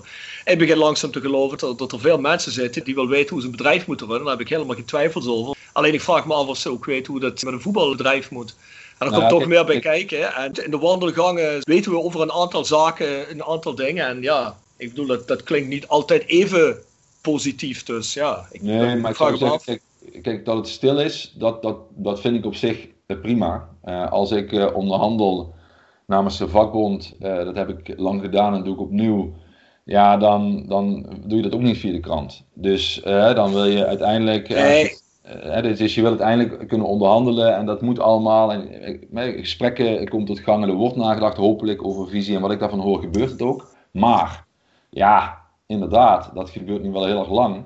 En dan moet nu wel in de komende tijd uh, iets op tafel komen. En dan kan ook in ieder, dan ontstaat er ook optimisme. Want dat is natuurlijk ook eigen aan Roda. Hè? We kunnen vandaag totaal in de put zitten. En dan, dan ja. we de hele dag. En als er ook maar morgen een lichtpuntje ergens te zien is, dan staan we weer met duizenden mensen uh, op die tribunes en het kan snel gaan. En dat is, ja, dat is misschien ook wel heel erg optimistisch. Ja, maar, maar, wat, wat, wat ik jammer vind, en dat, dat bedoelt Rob ook een beetje, we hebben inderdaad te maken met een voetbalclub en het moet op het ja. veld gebeuren. Ja. En het gebeurt al heel veel jaren niet op het veld. En we willen allemaal eens een keer weer een Roda zien wat punten thuis houdt, waar tegenstanders met angst naartoe komen en die mee gaan doen om de prijzen. Ja, en als we dan nu weer lezen dat Jeffrey van As zegt, ja, ik kan wel met trainers praten en met spelers praten, maar ja, ik kan niemand vastleggen, want ik weet ook niet wat er gaat gebeuren en ik heb geen budget. Ja, dat vind ik dan wel een beetje jammer. Dan denk ik, geef die man in ieder geval iets waar hij mee kan werken. Want als je nu een goede trainer kunt aanstellen en een paar leuke spelers, ja, dan kan de rest, hoe die mannen dat feitelijk gaan invullen, dat mag dan wel weer wat langer gaan duren. Maar je moet de mensen weer een reden geven om hoop te krijgen. Dat bedoel ik ook met visie, Ron. Kijk, dat je met iemand onderhandelt, dat dat niet in de krant staat en waar je precies over onderhandelt, dat, dat wil ik ook helemaal niet weten. En ik denk dat de rest van ons dat ook niet wil weten, maar we willen gewoon een visie weten. Kijk, het poppetje wat je daarop invult en hoe die dat gaat invullen, of in ieder geval met hoeveel geld, Oké, dan neem ik aan dat je ervoor onderhandelt dat dat uiteindelijk het resultaat is. Maar als iemand zegt van luister, we hebben komend seizoen, ik, ik zeg wel iets van 4, 5 miljoen nodig of 6 miljoen. Dat willen we, dat willen we zo en zo gaan verdelen. Dat is onze visie. Uh, we willen dat de club zo en zo gaat uitzien. Dan moeten we dit en dit gaan uitstralen. Daarvoor uh, willen we idealerwijze die en die club mensen ook erbij betrekken. Je hoort helemaal niks. En dat zijn allemaal nee, dingen die je in principe, zo'n visie, kun je communiceren naar buiten toe. En dat is ook wat Bjorn al honderd keer heeft gezegd hier. Waar ik het ook volledig mee eens ben. Zo gauw jij meer naar transparantie gaat toewerken, krijgen mensen wel meer vertrouwen in je. En ja, je hoeft niet transparant te zijn. Kijk, mijn loonstrook leg ik niet op internet. Daar gaat het niet om. Alleen, hè, ik bedoel, ik heb er geen probleem mee te zeggen van kijk jongens, in principe daar wil ik heen met een investering. Daarvoor hoeft niemand te weten hoeveel ik verdien of voor hoeveel ik in een club zit. Maar dit is gewoon wel heel erg ja, kijk, je moet seizoenkaarten gaan verkopen. Wanneer het seizoen begint, weet ik niet. Maar je wilt toch, als het moment komt dat iets wordt aangekondigd, moet je seizoenskaarten gaan verkopen. Dan moet je niet één week van tevoren weer zitten van, ja, wacht even, we hebben dit plan. En dan komt er een half uitgewerkt plan weer uit. Want op dit moment weet ik het gewoon niet. En met mij nee, duizenden andere mensen. Nee, klopt. Kijk, ik denk dat, dat eh, de club, de leiding, uh, wie dat precies is, en de investeerders, de mensen die nu aan het roer staan, zich moeten realiseren dat als zij niet communiceren, dan wordt er wel door anderen gecommuniceerd. Dus wat je ook vindt van wat ze doet, wat je ook vindt van eh, wat een leiding doet. Als je de leiding niet communiceert, zeker bij een onstuimige organisatie als een voetbalclub, dan zullen anderen dat gaan invullen. En dat is, uh, dat is absoluut helemaal terecht. Tegelijkertijd zou ik ook wel willen zeggen, kijk, als ik moet kiezen, hè, we hebben te maken gehad met een, met, met een proces, denk ik, waar je van kunt zeggen, ja, de boel stond in de fik, er, is, er, is, er, er, hè, er werd geblust en er moet nu langzamerhand weer gebouwd worden. Als ik moet kiezen tussen uh, snel nu spelers kunnen gaan halen. En ik snap wat Bjorn zegt over uh, de moeilijke situatie van Jeffrey van As. En ik hoop dat dat idealiter heel snel verandert. En we ook nog uh, voor de lange termijn een gezonde club hebben. Maar als ik moet kiezen, en ik vermoed dat dat meer een realistisch scenario is, dan heb ik liever dat we in de komende seizoenen er echt heel erg goed voor staan. Dat er nu echt een stabiel fundament wordt gelegd waarop we kunnen gaan bouwen. Dan dat er nu opnieuw hals over kop van alles gaat gebeuren. En ja, laten we eerlijk zijn we denken, ik, ik, kijk, dat we weer gaan bouwen, dat hoop ik van ganse harte. En ik hoop het liefste dat we eh, volgend seizoen, wanneer het ook mag, mag beginnen, alle wedstrijden winnen. Maar ik denk eerder dat het scenario reëel is dat je eerst een opbouwjaar krijgt. Dat je hopelijk weer karaktervoetbal ziet waar we ons, ons in kunnen herkennen. Dat we een beetje bovenin kunnen gaan meedoen. En dat je dan kunt doorbouwen naar uh, hopelijk naar, uh, laten we zeggen, promotie in de jaren daarna. Maar in één klap van, laten we zeggen, wat samen nu 17e, 18e, 19e in de eerste divisie naar uh, Champions League. Ja, misschien is dat wel helemaal een beladen begrip. Uh, dat dat gaat een beetje worden. Ja. Ron, ja. Ron, maar Ron, even naar de hele fundamentele kwestie. Hè. Stel je nou voor, jij bent adviseur van Roger Houdenius. En Stijn Koster. En, Moeilijk en, voor te stellen, maar oké. Okay, ja. Jij bent adviseur van die drie partijen: Stijn Koster, Rodenius en uh, Mercurius.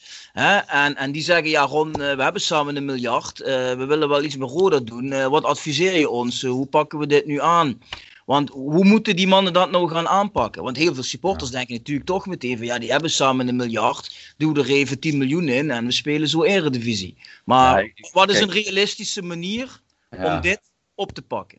Ja, ik pretendeer niet dat ik weet hoe een voetbalclub geleid moet worden. Laat ik daar voorzichtig mee beginnen. Ik heb een partij geleid en uh, dat ging met vallen opstaan. Laat staan hoe het bij een voetbalclub is, zeg ik maar vol zelfspot en zelfkritiek. Maar uh, desalniettemin ligt die vraag er. En ik zou zeggen, kijk, ik weet één ding van ultra-rijke mensen.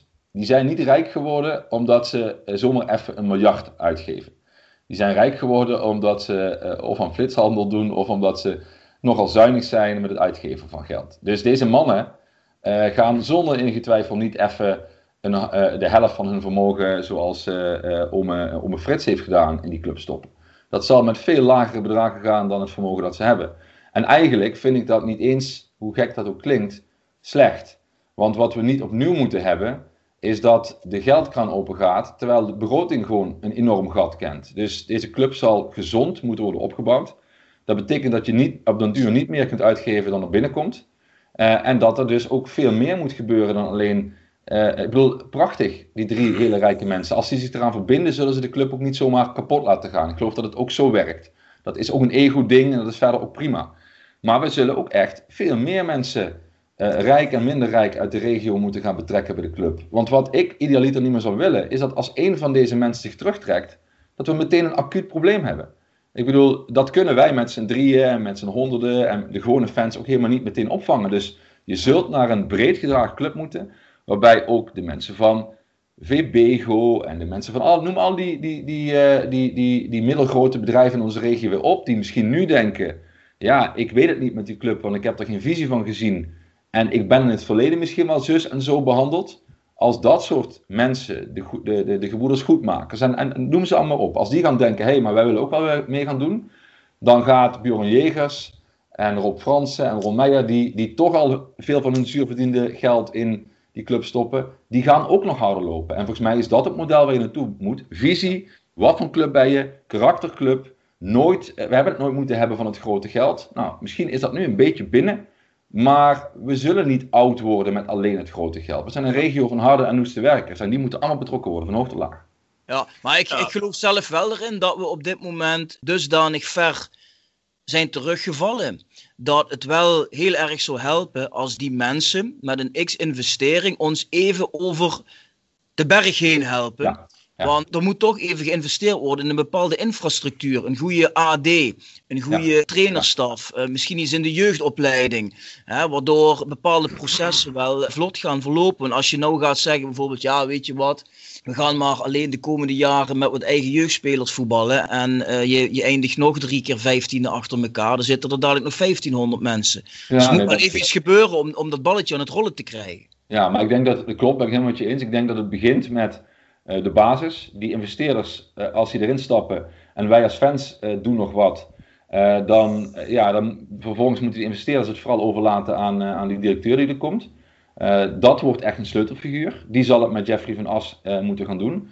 Ja, en verder, kijk, kijk naar wat de club de afgelopen jaren heeft gedaan. Het is toch, ik, ik, ik ben uiteindelijk blij met, zou je kunnen zeggen, met iedereen die het Roda-shirt heeft gedragen. Die verdienen ook op de een of andere manier net zo goed een compliment. Ook al zijn het vaak avonturiers. Maar mijn god zeg, we, hebben, we, we, we bungelen onderaan in de eerste divisie. En halverwege het seizoen, we hebben weliswaar, Mitchell Keulen was geblesseerd, maar we hebben een, een bak aan jeugdspelers. En we gaan dan toch met alle respect voor Maxime Gunst, we gaan dan iemand halen die, ja, die echt niet beter is dan een van die jonge jongens. Dus, dus dit seizoen en misschien ook volgend seizoen nog, weliswaar niet alleen maar met jeugdspelers, maar haal dan in ieder geval daar waar je geld aan uitgeeft, uh, uh, jongens met ervaring, dan wel met pit, die die jeugdspelers kunnen leiden. Dat zag je bijvoorbeeld in de succesjaren, de jaren 90.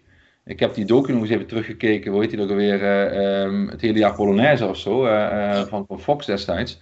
Ja, dat was natuurlijk interessant hoe dit door, door Hendricks en Piquet werd neergezet.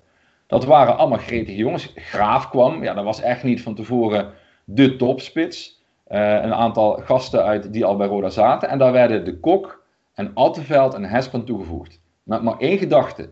Uh, die gaan uh, met Brani, gaan die, dat, dat team dat toch een beetje braaf voor de, voor de verder rest was. Nou, ik, overdrijf dan zeer. Maar die gaan daar nog extra Brani aan toevoegen. Ja, volgens mij heb je een basis nu met jeugdspelers die echt wel willen. En die echt wel kunnen gaan groeien. En daar moet je Brani en leiderschap aan toevoegen. En dus zou ik Jeffrey van As van harte willen meegeven. Volgens mij is dat wel iemand met Brani. Maar ja, niet opnieuw alleen maar ideale schoonzonen. Dat is prima om bij de Schulman te hebben, maar niet op het voetbalveld bij Roda. Daar hebben we uh, mannen met brani nodig, leiders nodig. Uh, en die moeten worden toegevoegd aan, aan de verder prima talentvolle selectie ja. die op zijn minst overblijft als je kijkt naar de contracten die nu aflopen. Ja, Ja, even tussendoor. Ja, het sluit er een beetje bij aan. Een vraag van uh, luisteraar van ons, Daan Drent. Die zegt, beste Bjorn en Rob, bedankt voor alle afleveringen van The Voice. Ik vind het heerlijk om deze te beluisteren. Nou, dat is, uh, dat is een mooi compliment. Een vraag aan Ron. Hoe ziet hij de toekomst van Rode SC? Wat moet er in zijn ogen gebeuren? Nou, dat heb je eigenlijk al een beetje gezegd, Ron. En hij vraagt dan ook nog, ziet hij nog een rol voor zichzelf daarin weggelegd? Ja, vooral de tribune. Mijn zoon een beetje in de gaten houden, want die hangt af en toe in de hekken bij de uitwedstrijden. En dat is leuk. Hè? Brani zei ik net, daar hoef ik mijn zoons, mijn dochter niet uit te leggen. Uh, dus uh, dat, ik zie vooral die rol als supporter. En ja, weet je, ik, ik, ik, ik zei net al iets over. Ik ken mijn rol. Ik organiseer uh, schoonmakers en beveiligers en allerlei andere mensen. En ik geloof niet per se dat die steenrijke mensen meteen fan zijn van mijn opvattingen. Nou, dat mag verder. Dus mijn rol is vooral Roda-fan in hart en nieren. Ja, als iemand bij de club iets uh, van me wil weten, ik heb geen kapitaal. Ik heb weinig macht. Het enige wat ik heb is een kritische blik en een geel-zwart hart. Ja, en als je daar iets van wil, dan mag je altijd bij me aankloppen. Maar ik ken mijn rol. Op de eerste plaats op die tribune af en toe hard schreeuwen. Hey Ron, ken jij Jacopo Verigi? Nee, die ken ik niet. Dat is een uh, Italiaanse Rode SC supporter uit Palermo. Heeft jarenlang in Simpelveld gewoond. Seizoenskaarthouder bij Rode SC geweest. En die volgde nog op de voet. Ook de Voice of Calais. En die komt ook nog met een interessante vraag. Zeg Ron, zou Jos van der Mortel geen goede investeerder voor Rode SC zijn? Want hij zit nu toch de hele dag op Facebook alleen maar op het maankwartier af te geven. Dus die man heeft volgens mij tijd en geld. Zou die niet ook wat in Roda kunnen doen? Ik moet altijd oppassen als ik iets over mijn grote vriend uh, Jos van der Mortel zeg, want voor je het weet wordt, moet ik weer voor de rechter verschijnen. Maar uh, ja, dat is helaas geen grap. Maar nee, ja, ik bedoel, er zijn, er zijn mensen die hun geld op allerlei manieren verdienen. Ik hoop van de vastgoedbazen altijd dat ze de huur een beetje normaal houden en dat ze hun zo nu en dan monumentale panden gewoon fatsoenlijk opknappen. Als uh, grote vriend Jos van der Mortel dat doet, voor de mensen die hem niet kennen, een grote vastgoedbaas in deze omgeving uit Amsterdam als die gewoon zijn panden opknapt en de huur een beetje normaal houdt, um, dan, uh, dan ben ik de eerste die hem zal complimenteren. En als hij dat niet doet, krijgt hij er van mij, net zoals iedere andere vastgoedbaas die zich niet gedraagt, van langs. Ja, en als hij dan toch, hij staat net wel of net niet in de code 500. Begrijp dat hij dat, dat hij, er, dat hij, dat, dat hij het fijn vindt als hij daarin komt. Nou ja, laten we hopen dat hem dat lukt. Als hij dan ook nog iets in de Roda zal investeren, moet je je nou eens voorstellen, hè?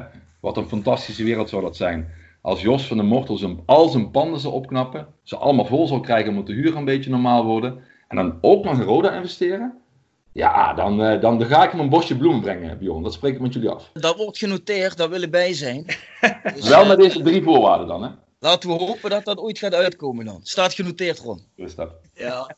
Hey, maar Ron, zou, uh, als, je, als uh, zo'n supportersinitiatief lukt met zo'n verenigingsmodel, en je hebt, ik zeg maar, je hebt duizend mensen die per jaar, weet ik veel, een contributie betalen van 75 euro, van 100 euro. Dan kun je redelijk wat geld genereren. Zou jij dan niet uh, RVC-lid willen zijn voor zoiets? Het zou toch, bedoel jij met je bestuurlijke ervaring en alles, het zou toch helemaal niet zo slecht zijn? Ja, nou laat ik zo zeggen, ik vind dat zo'n vereniging, de persoon die dat gaat doen, ik ben democraat in hart en nieren, dus die leden moeten vooral de persoon kiezen die dat gaat doen. En ik weet, niet of ik, de meest, ik weet niet of ik de meest geschikte persoon ben. Dus ja, ik, kijk, ik zei al, ik hou ervan om mijn zoon een beetje in de gaten te houden op de tribune. Ik hou ervan om uh, op die tribune, ik, in de rest van mijn leven ben ik superkeurig en netjes, op de tribune ook. De afspraak met mijn oudste is, wij zingen altijd liedjes voor de club. Nooit tegen de scheidsrechter of tegen een tegenstander. Er is één uitzondering op, dat is als we in het uitvak van de geuzel staan. Maar ja, dat is wat ik ook wel gewoon fijn vind. Dus, uh, maar op de eerste plaats is uh, mijn antwoord echt, dat is aan de leden, de toekomstige leden van mogelijk zo'n initiatief. Ja, ja, zeker. Hey, even de vraag van Patrick Wetsels tussendoor doen, want die sluit ook wel aan bij uh, wat we net besproken hebben. Ron, hoe kijk jij naar de enorme contradictie in het moderne voetbal? Structureel veel geld nodig hebben om een rol van betekenis te kunnen spelen, terwijl je ook heel snel in handen komt van loesje, rijke zakenlui. Hoe draaien we dit schip nog om? Of zijn we zo ver doorgeschoten dat de bitch van het kapitaal zijn nog de enige mogelijkheid is? Ja, ja. ik snap de vraag van Patrick wel. Ik ben het er niet ja. helemaal mee eens dat alle rijke zakenlui per definitie loesje zouden moeten zijn. Maar de kern van de vraag snap ik wel. Ja, nee, klopt. Uh, uh, um, Kijk, ik zou zeggen, volgens mij moeten we beginnen met ons te realiseren dat dit alleen anders zal worden als wij ons ermee bemoeien. Dat is een beetje hetzelfde wat ik net, een beetje in de verlengde van wat ik net al zei. Als de supporters zich bemoeien, de supporters zijn altijd gericht op de toekomst van de club. Als die moeten kiezen tussen een soort casino-model, waarbij je vandaag gokt met al je geld om misschien morgen meer te hebben, of gewoon dat geld aan de kant te zetten en daar langzamerhand mee te bouwen, zullen ze altijd kiezen voor dat laatste en niet voor het eerste. En daarom is de betrokkenheid van supporters cruciaal. En ja, ik leg altijd aan mijn kinderen uit als ze me vragen: ja, papa, wat doe je eigenlijk bij de vakbond of bij de SP? En dan zeg ik: eh, als je jullie kunnen, of je nou sterk of niet sterk bent, alle vingers individueel van mijn hand kunnen jullie breken. Maar als ik die vingers uh, bal tot een vuist, dan kan de sterkste man uh, op deze wereld, laten we hypothetisch zeggen dat het Rob Fransen is, kan die mijn vinger, vinger niet meer breken. Precies. Uh, dus dat is wat voor supporters ook geldt. En dus zullen we, ons, zullen we mee moeten doen aan dat spel. Dan zullen we geld bij elkaar moeten halen, want dat is de werkelijkheid. Alleen dan gaan die rijke mensen luisteren. En ik denk dat een, uh, een tweede punt is dat we ook ons ook moeten realiseren dat clubs, bijvoorbeeld gemeentes, ook niet meer een soort too big to fail-achtige rol moeten hebben. Want ja, die gemeente Kerkrade bijvoorbeeld. Ik bedoel, als, als de club een speler op de blote knieën moet bedanken, dan is het toch wel de gemeente Kerkrade geweest die veel te veel, zou je kunnen zeggen, heeft gedaan om de club overeind te houden. En daarmee indirect, en dat is natuurlijk nooit de intentie van die gemeente geweest, ook het signaal heeft afgegeven dat wat jullie ook doen, tijdelijke bestuurders, hoeveel gat, gat jullie ook in de begroting hebben, wij redden jullie toch wel. Dus mhm. Dat lijkt een beetje gek, in de zin van, ik kan me best voorstellen dat je supporter denkt, ja, maar ja, zo'n gemeente mag toch ook wel een beetje iets doen. Even los van het rechtvaardigheidsargument, of die gemeente niet ook vooral zijn geld moet uitgeven aan thuiszorgers en aan, aan, aan horeca en MKB'ers die het nu lastig hebben. Maar een veel interessanter argument om er ook niet zomaar weer bakken gemeenschapsgeld in te stoppen, is dat zo'n zo'n club een soort junk-status krijgt. Geef maar geld uit voor de korte termijn, haal nog maar 12 spelers in de winterstop. Want ach, als we een gat in de begroting hebben, dan redden ome Frits en de gemeente ons toch wel. En van dat risico dat achterlijke risicomodel moeten we af. En dat kan alleen maar als wij als supporters ons daarmee bemoeien. En Ron, wat denk jij, hoe, hoeveel geld moeten we daarvan samen krijgen als supporters om, uh, om daar een fatsoenlijke rol in te kunnen spelen? Want ik denk als je met, uh, met 5000 euro aankomt, zeggen ze, jongens, het is allemaal cute, maar uh, oh je. Ja, nee, maar goede vraag. Kijk, als je, stel je zou doen wat jij voorstelt op 75 euro per jaar, want je moet dat echt structureel gaan doen. Ja, ik zou zeggen, kijk, uh, mensen zeggen al snel, en dat begrijp ik ook, we zitten niet in de rijkste regio, uh, alles behalve. Mensen zeggen al snel, ja, maar dit is toch een behoorlijk bedrag bovenop de seizoenskaart noem maar op. Dan zeg ik, ja, dat klopt. En tegelijkertijd is zo'n bedrag is twee, drie biertjes per maand. Heb je, en dat is de vraag die wij als fans, als we onderin bungelen in de eerste divisie, doen we dit nog een paar jaar, dan is het einde club. Hebben wij per maand drie biertjes over om geld in de club te kunnen uh, stoppen waar we zelf over gaan. Nou, ik denk, jouw concrete vraag Rob, hoeveel heb je nodig, vind ik lastig te beantwoorden. Maar als je nou eens zou komen tot een streefbedrag van, laten we zeggen, een ton.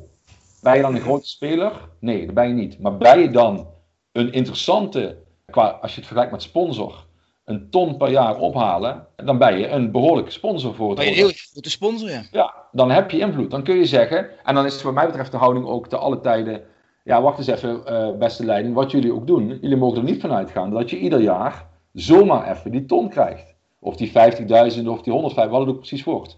Nee, dan moet je voldoen aan deze voorwaarden, financieel inzicht. En by the way, wij willen dit geld besteden aan iets dat, uh, waarmee je bouwt aan de infrastructuur van de lange termijn. Ik zei eerder kunstgras of uh, voor mij part, de jeugdopleiding.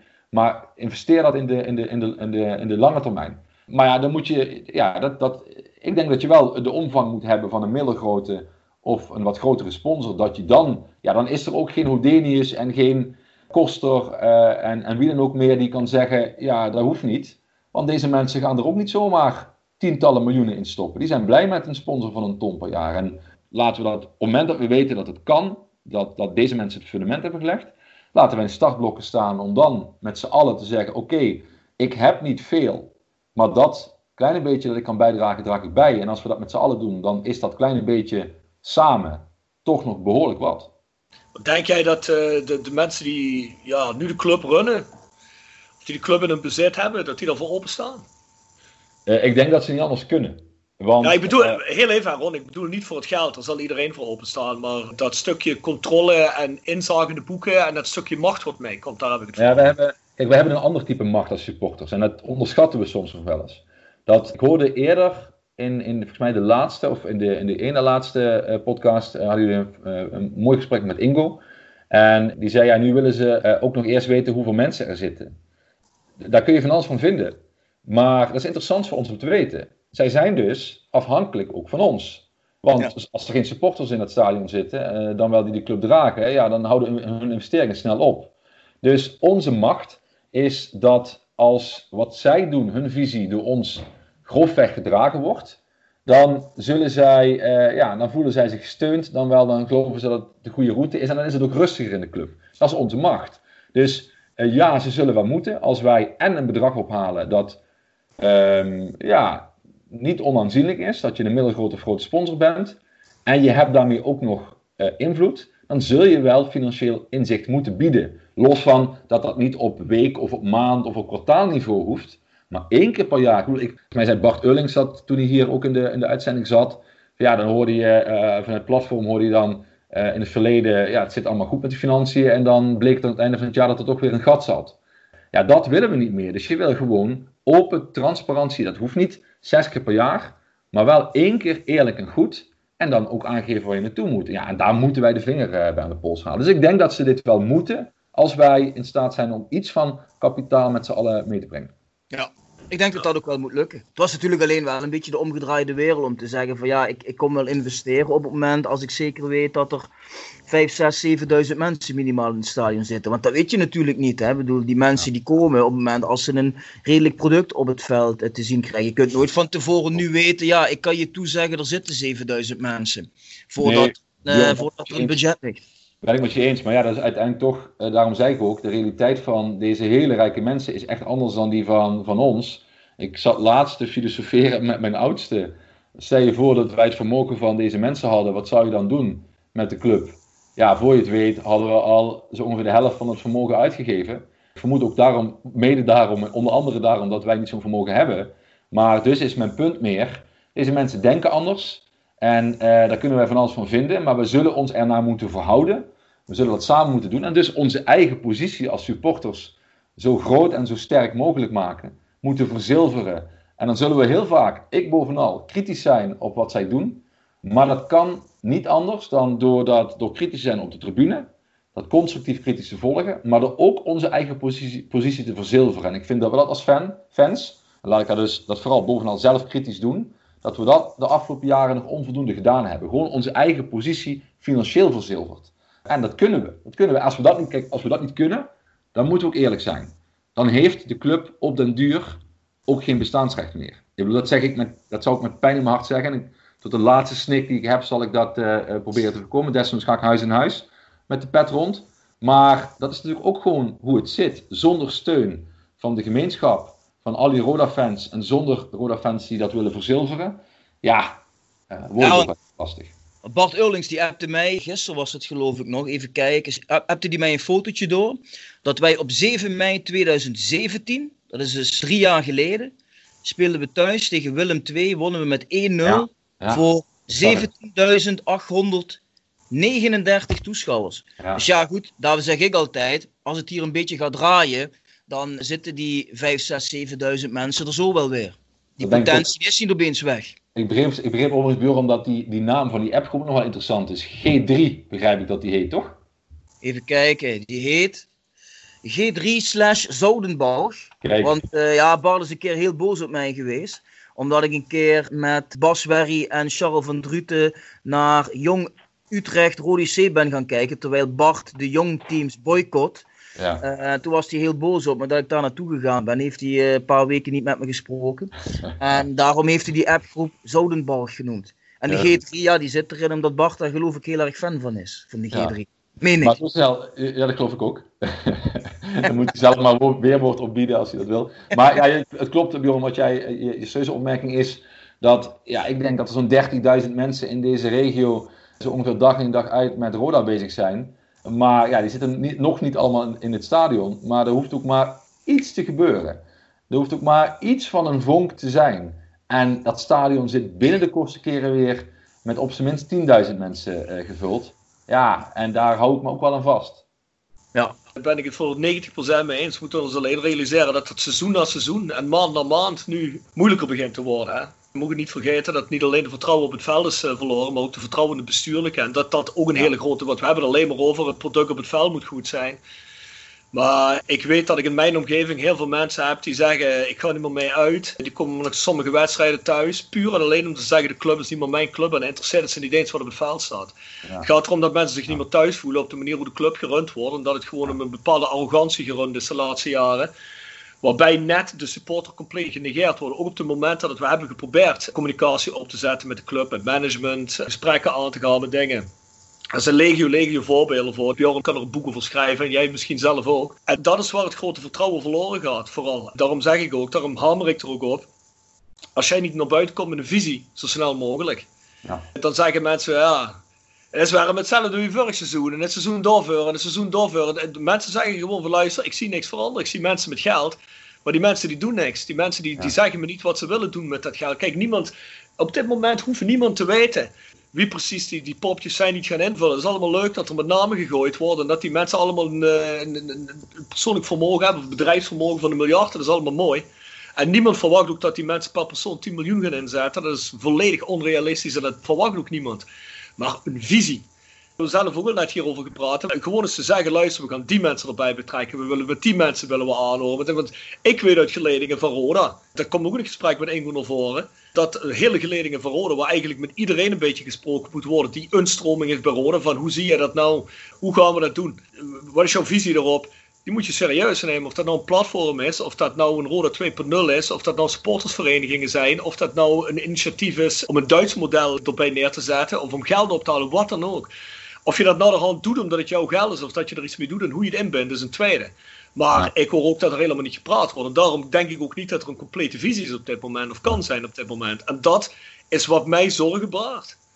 En Kijk, je kunt van de ene kant zeggen, we moeten eerst kijken of we de mensen met het geld bij elkaar krijgen. Dus eerst onderhandeling en dan, uh, dan kunnen we weer een stap verder. Maar ik denk dat je parallel gewoon in dat verhaal al bezig kunt zijn met een visie.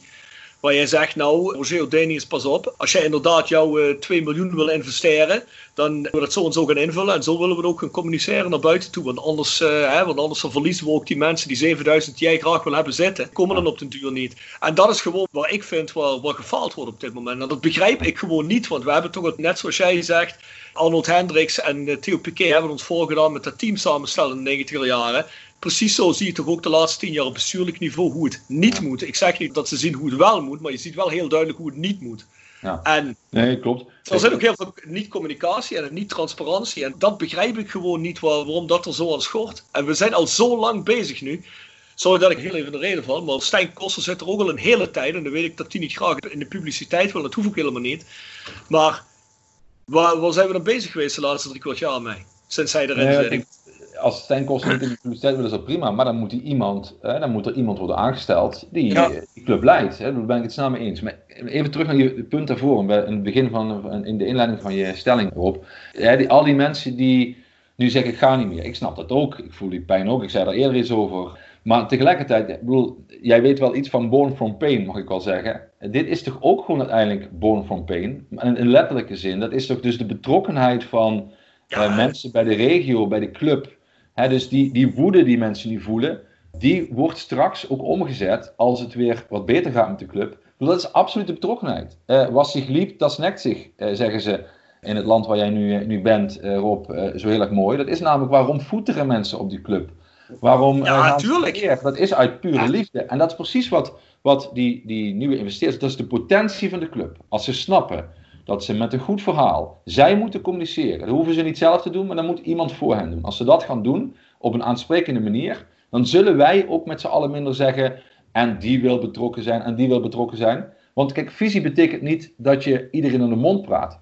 Uh, ik heb, laat, ik, laat, ik, een voorbeeld geven uit mijn eigen ervaring. Uh, met vallen en opstaan, mag ik wel zeggen. Ik heb vier jaar de SP uh, eh, mogen leiden. En dat waren niet de makkelijkste electorale, dat was niet de makkelijkste tijd. En ik had kijk, als het goed gaat met een, met, met een politieke partij, maar ook met een voetbalclub, dan ben je, dan ben je God, dan ben je fantastisch, dan, ben je, nou ja, hè, dan kan er niks misgaan en dan ben je genialer dan wie dan ook. Als het niet goed gaat, dan is ook opeens iedereen het met je oneens. En het punt is niet dat je dan naar iedereen moet gaan luisteren. Ja, je moet wel iedereen luisteren, maar je moet kiezen wat de richting is en daar ook aan durven vast te houden. Ja. En, en dat is, ik denk, nog meer dan wat, wat, tuurlijk, het is fijn als die mensen, want je, je bent, dat je rijk bent, zegt niet dat je precies snapt hoe uh, onze gemeenschap werkt. Dus inderdaad vooral luisteren. Maar vervolgens ook visie kiezen en daaraan vasthouden. Uh, want waar de club ook aan kapot is gegaan, is het voortdurende, ja, wisselende, de, de, de, de totale chaos. De ene keer weer zus, de andere keer weer zo. En dan was het die investeerder en dan was het weer die. Nee, we willen nu rust, stabiliteit met een duidelijk plan. Waar staat deze club nu over vijf jaar? Als je mij vertelt, oké Ron, volgend jaar wordt misschien nog moeilijk. Misschien het jaar daarna ook nog, maar in de komende vijf jaar, als jij en uh, jouw eh, familie en jij overtuigt ook nog die enthousiaste Rob Fransen en die gekke Bjorn Jegers, die gaan ook meedoen dan zeg ik, nou, als dat het toekomstbeeld is, dan ga ik daar vol voor staan. Wetende dat het misschien volgend jaar nog wel lastig zal worden. Maar als het ieder jaar een soort chaos toestand is, ja, dan raak je inderdaad mensen kwijt. Dus gebruik die potentie van die liefde voor die club, die liefde om te vechten, uit de littekens die we nu voelen. We zijn verwend geraakt door de jaren 90, we hebben boven onze stand geleefd. Nou, we weten nu waar we staan. We hebben littekens en littekens zijn soms, soms vervelend, die jeuken soms. Maar potverdomme, ze zijn ook een teken van, van leven en van weten waar je vandaan komt. En nou ja, dat vind ik wel gaaf aan compliment aan Rob, aan Born from Pain. Nou, laten we dat dan ook maar gewoon als club ook als uh, motto hanteren. Ja, want je ziet ook eigenlijk overal dat clubs waar het gewoon stabiel en rustig is in de top, daar wordt ook op het veld het beste gepresteerd. Kijk bijvoorbeeld naar een Heracles, jarenlang geleid door Jan Smit. Eigenlijk jarenlang een veel kleinere club dan Roda. Hadden we nooit van gedacht, 15 jaar geleden, dat Eerste die uh, ons zo zouden overvleugelen. Maar ja, ja, gewoon heel stabiel, gedegen beleid, nooit zeik, geen wisseling van de wacht. Ja, en kijk eens waar ze staan. En dat ene wat je zei, uh, Ron, ja, dat vind ik ook mooi dat je dat zegt, want ik ben zelf bijvoorbeeld niet gemaakt om fan te zijn van een club als Ajax of Barcelona, waar je altijd maar wint. Ja, ik bedoel, het is toch ook veel mooier om met z'n allen door zo'n diep dal te gaan als waar wij nu heen gaan. Maar als we dan dadelijk een keer op die markt staan en dat weer promoveren, ja, dan geeft het toch met z'n allen een veel grotere kick dan als je ieder jaar al weet ik word kampioen. Dus ja. dat is ook een reden waarom ik niet zo weglopen van zo'n club, omdat het moeilijk gaat. Je weet ook wel, het wordt weer een keer beter en dan is dat zoet van die overwinningsmaak des te eigenlijk. Ja, precies. Maar dat is toch, in deze regio, in deze streek weten we dat toch. Ik bedoel, ik ben opgegroeid in de jaren 90 als tiener in, in Heerlen aan de noordkant van het spoor. Ik woon daar nog steeds. En ik fietste naar uh, de middelbare school uh, onder de stationstunnel door, uh, of de, een van de voetgangerstunnels en de fietstunnels door. En er lagen de junks te creperen op straat. Weet je, Heerlen is nog steeds niet moeders mooiste. Maar potverdomme. We hebben de afgelopen twintig jaar die stad aan zijn nekvel omhoog getrokken met z'n allen. En, en eerlijk gezegd vind ik dat een veel toffer, gaver, trotser verhaal. Wij Helenaren kennen niet zo heel veel trots, dan mag wel wat meer. Maar is toch veel gaver dan die steden die alles voor de wind maar gaat. Waar alles al geweldig is. Onze vrienden uit Maastricht, ja, die hebben een prachtig centrum. Dat is allemaal geweldig. Maar wat hebben wij voor een verhaal als streek? Of dat nu Heerlijk, Kerkrade, Brunsum, Landgraaf is. Wat hebben wij een gave inspiratiebron in ja, dat we geboren zijn in tot op zekere hoogte in ellende, in gedoe. En er is altijd, altijd wel weer een uitdaging. Ja, dat geldt voor ons als club ook. Daar, dan weten we, dan voelen we, dan proeven we dat we op die tribune ook harder moeten knokken. Dat we harder moeten aanzetten.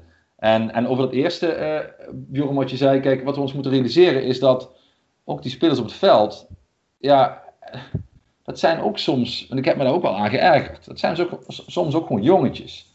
iedere keer was het weer, weet je, klopt wat je zegt, een stabiele club een stabiele basis is nodig voor prestaties op het veld. Maar dat is natuurlijk ook treurig. Want als je in de Eredivisie speelt, zijn die jongens op het veld, dat zijn grootverdieners.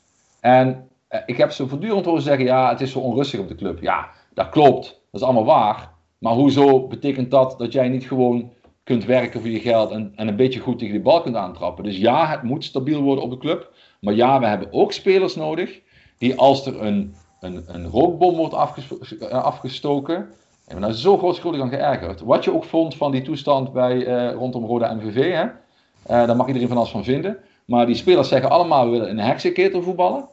En dan is er een heksenketel. En dan heeft hij hem beïnvloed, want het spel kwam stil te liggen. Ja, pleur op man. Eh, als je dan Helemaal mee eens, zijn, moet je ook een beetje een man zijn en zeggen: uh, kom erop, dan gaan wij er ook voor staan. Dus ja, de supporters, ja, de investeerders, maar de spelers die hier willen voetballen, die zullen er potverdomme ook voor moeten willen gaan. Willen ze dat niet, kunnen ze beter naar een andere club gaan. Dat mag ook de houding zijn. Ja. Ja. ja. ik denk dat we het daar alle drie helemaal over eens zijn. Ik hoop alleen dat, omdat je zegt zelf al, hè, mensen die miljonair zijn, die zoveel geld verdiend hebben, die denken anders. Kijk, dat wij dat met ons hart, hoe we erin zitten, kunnen overbrengen en in zo'n podcast misschien kunnen verwoorden. Maar wij zijn niet de mensen die de club runnen. Dus ik hoop wel dat die mensen, dat dadelijk aan mensen die die club moeten gaan runnen en de spelers die er moeten gaan komen, dat ook zo'n Jeffrey van As dat misschien wel een beetje gaat begrijpen. Want dat is geen, dat is geen Roda man. Dat, daar neem ik niks weg van, eh, van Jeffrey van As. Hij heeft dat gevoel zoals wij dat hebben over deze club niet. En ik hoop dat mensen wel een inzicht hebben. Dat je geen, uh, dat je geen 22 man kunt vinden die vuur en vlam zijn voor Roda. Dat begrijp ik allemaal wel. Ja. Maar dat er wel inderdaad karakter komt. Dat ook bestuurlijk dat er karakter komt. En dat er begrepen wordt wat wij zijn in deze streken waar we vandaan komen. Want laten we heel eerlijk zijn. Ik bedoel, de mensen waar jij het over hebt, Ron. En de mensen waar ik ook mijn tekst over schrijf. Of de, de regio waar ik mijn teksten soms over schrijf. Dat druk je heel goed uit net. Alleen, begrijpen die mensen die gedeelte van het leven al op die miljoenen zitten, begrijpen die de streek nog net zo goed? Ook al komen ze van hier uit de buurt. Ik hoop het wel, ik hoop het wel. En uh, ik, ik hoop dat, dat dat er wel nog in zit. Want heel eerlijk, je gaat wel een heel ander leven leven als je niet meer tegen de rand van de samenleving aan zit. Als, als ik multimiljonair zou zijn geweest en ik zat nou op Ibiza de corona uit de quarantaine dan keek ik waarschijnlijk ook heel anders tegen de situatie aan. Weet je? En, en daarmee wil ik alleen maar zeggen, ik hoop dat die mensen want die mensen moeten nu in eerste instantie moeten ze de, de poppetjes gaan neerzetten. En ik hoop dat wij er inderdaad een invloed op krijgen. Maar ja, zoals gezegd, dat zal ook niet voor begin dit seizoen zijn, denk ik. Dus, uh... Nee, maar kijk, kijk, je hebt gelijk, omstandigheden maken de mens. Dus um, ja, eh, als de omstandigheden zo zijn dat je het fantastisch hebt, dan heb je echt een andere kijk op de wereld. Dan weet je niet waar die verpleegster nu mee te maken heeft, of waar die uh, treinschoonmaker mee te maken heeft. Dat is absoluut waar. En tegelijkertijd denk ik, laten wij hem dat dan duidelijk maken.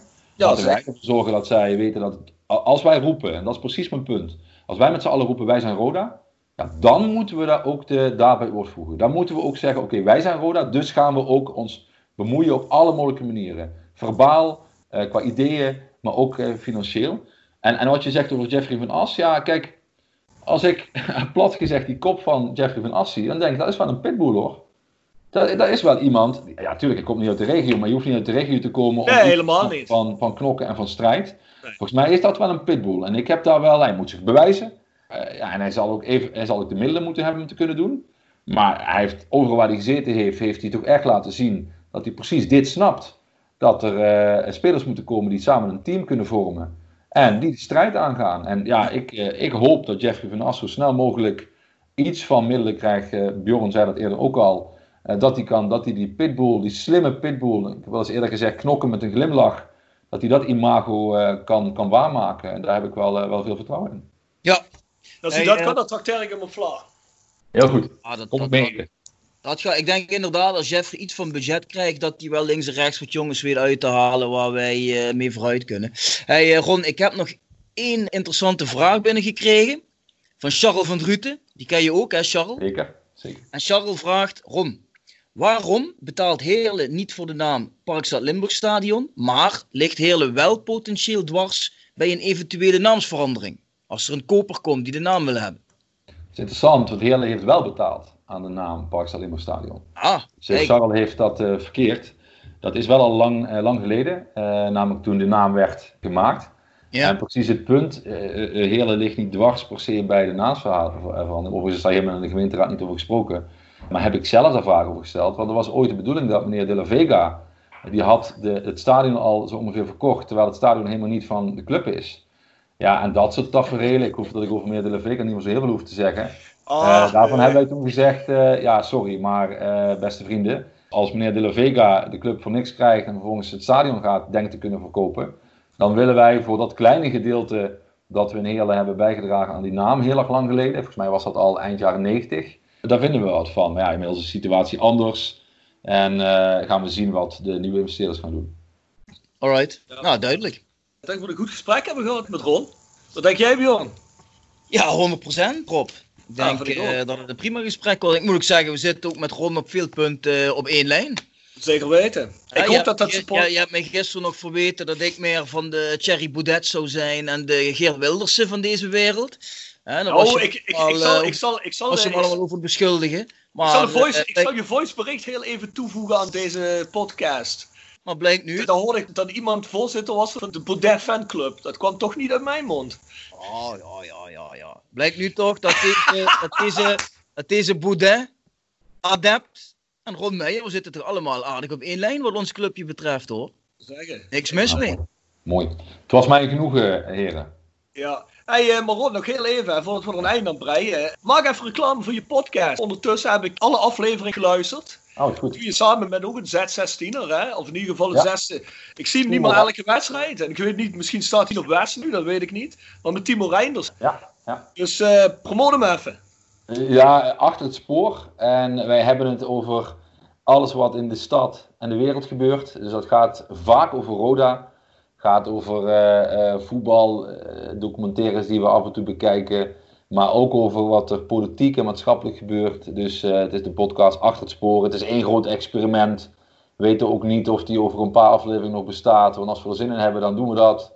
En als we er geen zin in hebben, niet. Dus we zijn niet zo- zo vastberaden en professioneel als jullie zijn. We kunnen niet tippen aan, aan deze podcast, maar we doen een beetje ons best. Hoe vaak komt die uit Ron? Eén keer in de twee weken.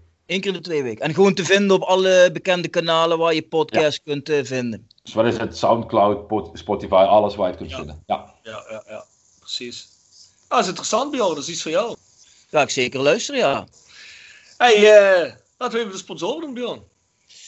Nog een rondje sponsoren om af te sluiten. Nextdoor, Kapsalon, Nagel en Beauty Salon aan de Locht 44A8 in Kerkrade. Jegers aan de Ruiste Berenboeklaan in Heerlen. Half voor weinig. Nooit chagrijnig. Nou, hotelrestaurant de Veilerhof. Herberg de Bernardeshoeve. www.gsr Music voor het harde muzieksegment. Rapi Autodemontage aan de Locht 70 in Kerkrade. Ja, dan hebben we internetgroep Limburg en iPhone Reparatie Limburg. Die vinden jullie op het Wouderpad 7 in Beek voor webdesign. Stokgrondverzet in Simpelveld. Dan Willeweber Keukens en de Boebegraaf 1 Schinveld keukendesign voor elke beurs. Van Ooyen Glashandel sinds 1937. Kwaliteitsglaszetten en reparatie met een dag- en nachtservice. Ja, we hebben Quick Consulting, Change Management door empowerment van je medewerkers. En Wiert personeelsdiensten in het algemeen, maar vooral de PLS-fractie Sean en Mark. Zo is dat. Podcast geproduceerd en gepresenteerd door South16. En koop ook een Voice of Calhei shirtje op shop.south16.com. En al onze gasten die krijgen altijd een shirtje erop. Maar ja, met Ron zitten we niet in persoon. Dus we moeten wel zorgen dat Ron nog even zo'n eh, shirtje krijgt. Welke Nou, maat Ron- heb je Ron? ja, dat is een goede L, denk ik. En, Een goede L. Ja, ergens tussenin. L of XL? Nee, nee, geen XL. Nee, nee, nee. nee. Nee? nee, nee. Ja, maar ze vallen klein uit hè. Ja, doe maar een L. Een L? Nou goed, dan Ja. krijgt Ron een L. Ik ben trouwens eh, bijna door de voorraad heen, eh, Rob. Dus je moet even wat L'tjes en XL'tjes Ah, ik eh, heb nog regelen. wat. Als Ron me zo meteen even zijn adres geeft, krijgt hij een mooi pakketje in de post. Komt goed. Zo. Ja, voor de rest, stuur je vragen en opmerkingen naar voiceofcalais.south16.com. En dan eh, zijn we weer aan het einde gekomen van deze podcast voor deze week. Ja, Ron, bedankt voor je tijd. Graag gedaan. Ja, Ron, bedankt. En Ja, mensen, bedankt voor het luisteren. Ja, mensen, tot de volgende week.